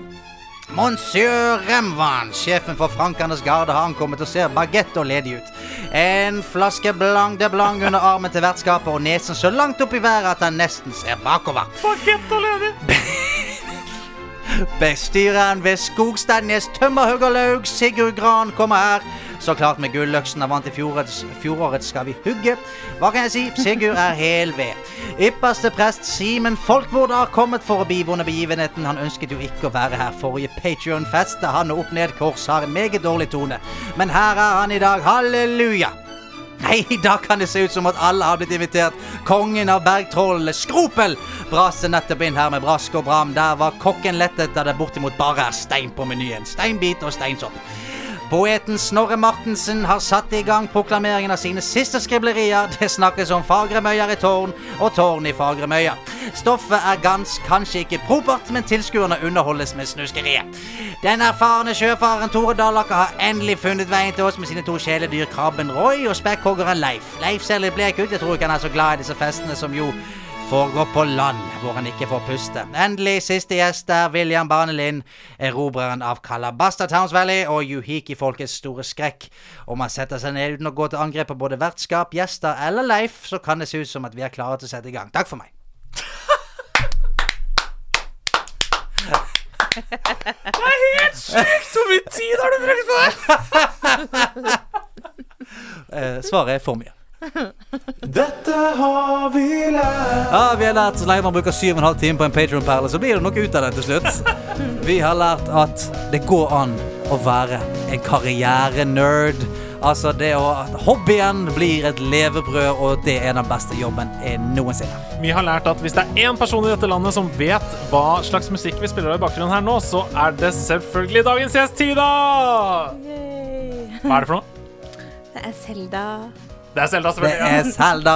Vi har lært så mye og så mangt her i dag. Vi har lært nok en gang at nederlandslaget er verdens fineste gjeng, som vi begge, og vi alle tre, er veldig stolt av å være en del av. Tusen takk for at du kom på besøk til oss, Tina. Tusen takk for at jeg fikk komme. Dette var kjempegøy. Ja, du er, er helt nydelig. Er det noe avslutningsvis som du føler du har lært i dagens episode? Uh, jeg har lært uh, veldig mye Nå skal jeg hjem og google spill, da. Sånn. Det er, eh, jeg har tydeligvis gått glipp av noe i ammetåka. Så jeg gleder meg til det. Og jeg gleder meg plutselig veldig mye til Harry Potter. Og vurderer eh, Xbox nå sterkere enn før. Vi har lært noe om oss sjøl, alle sammen. Ja, at Wayne Getskis eh, tredje hockey, der kunne det bli murvegg.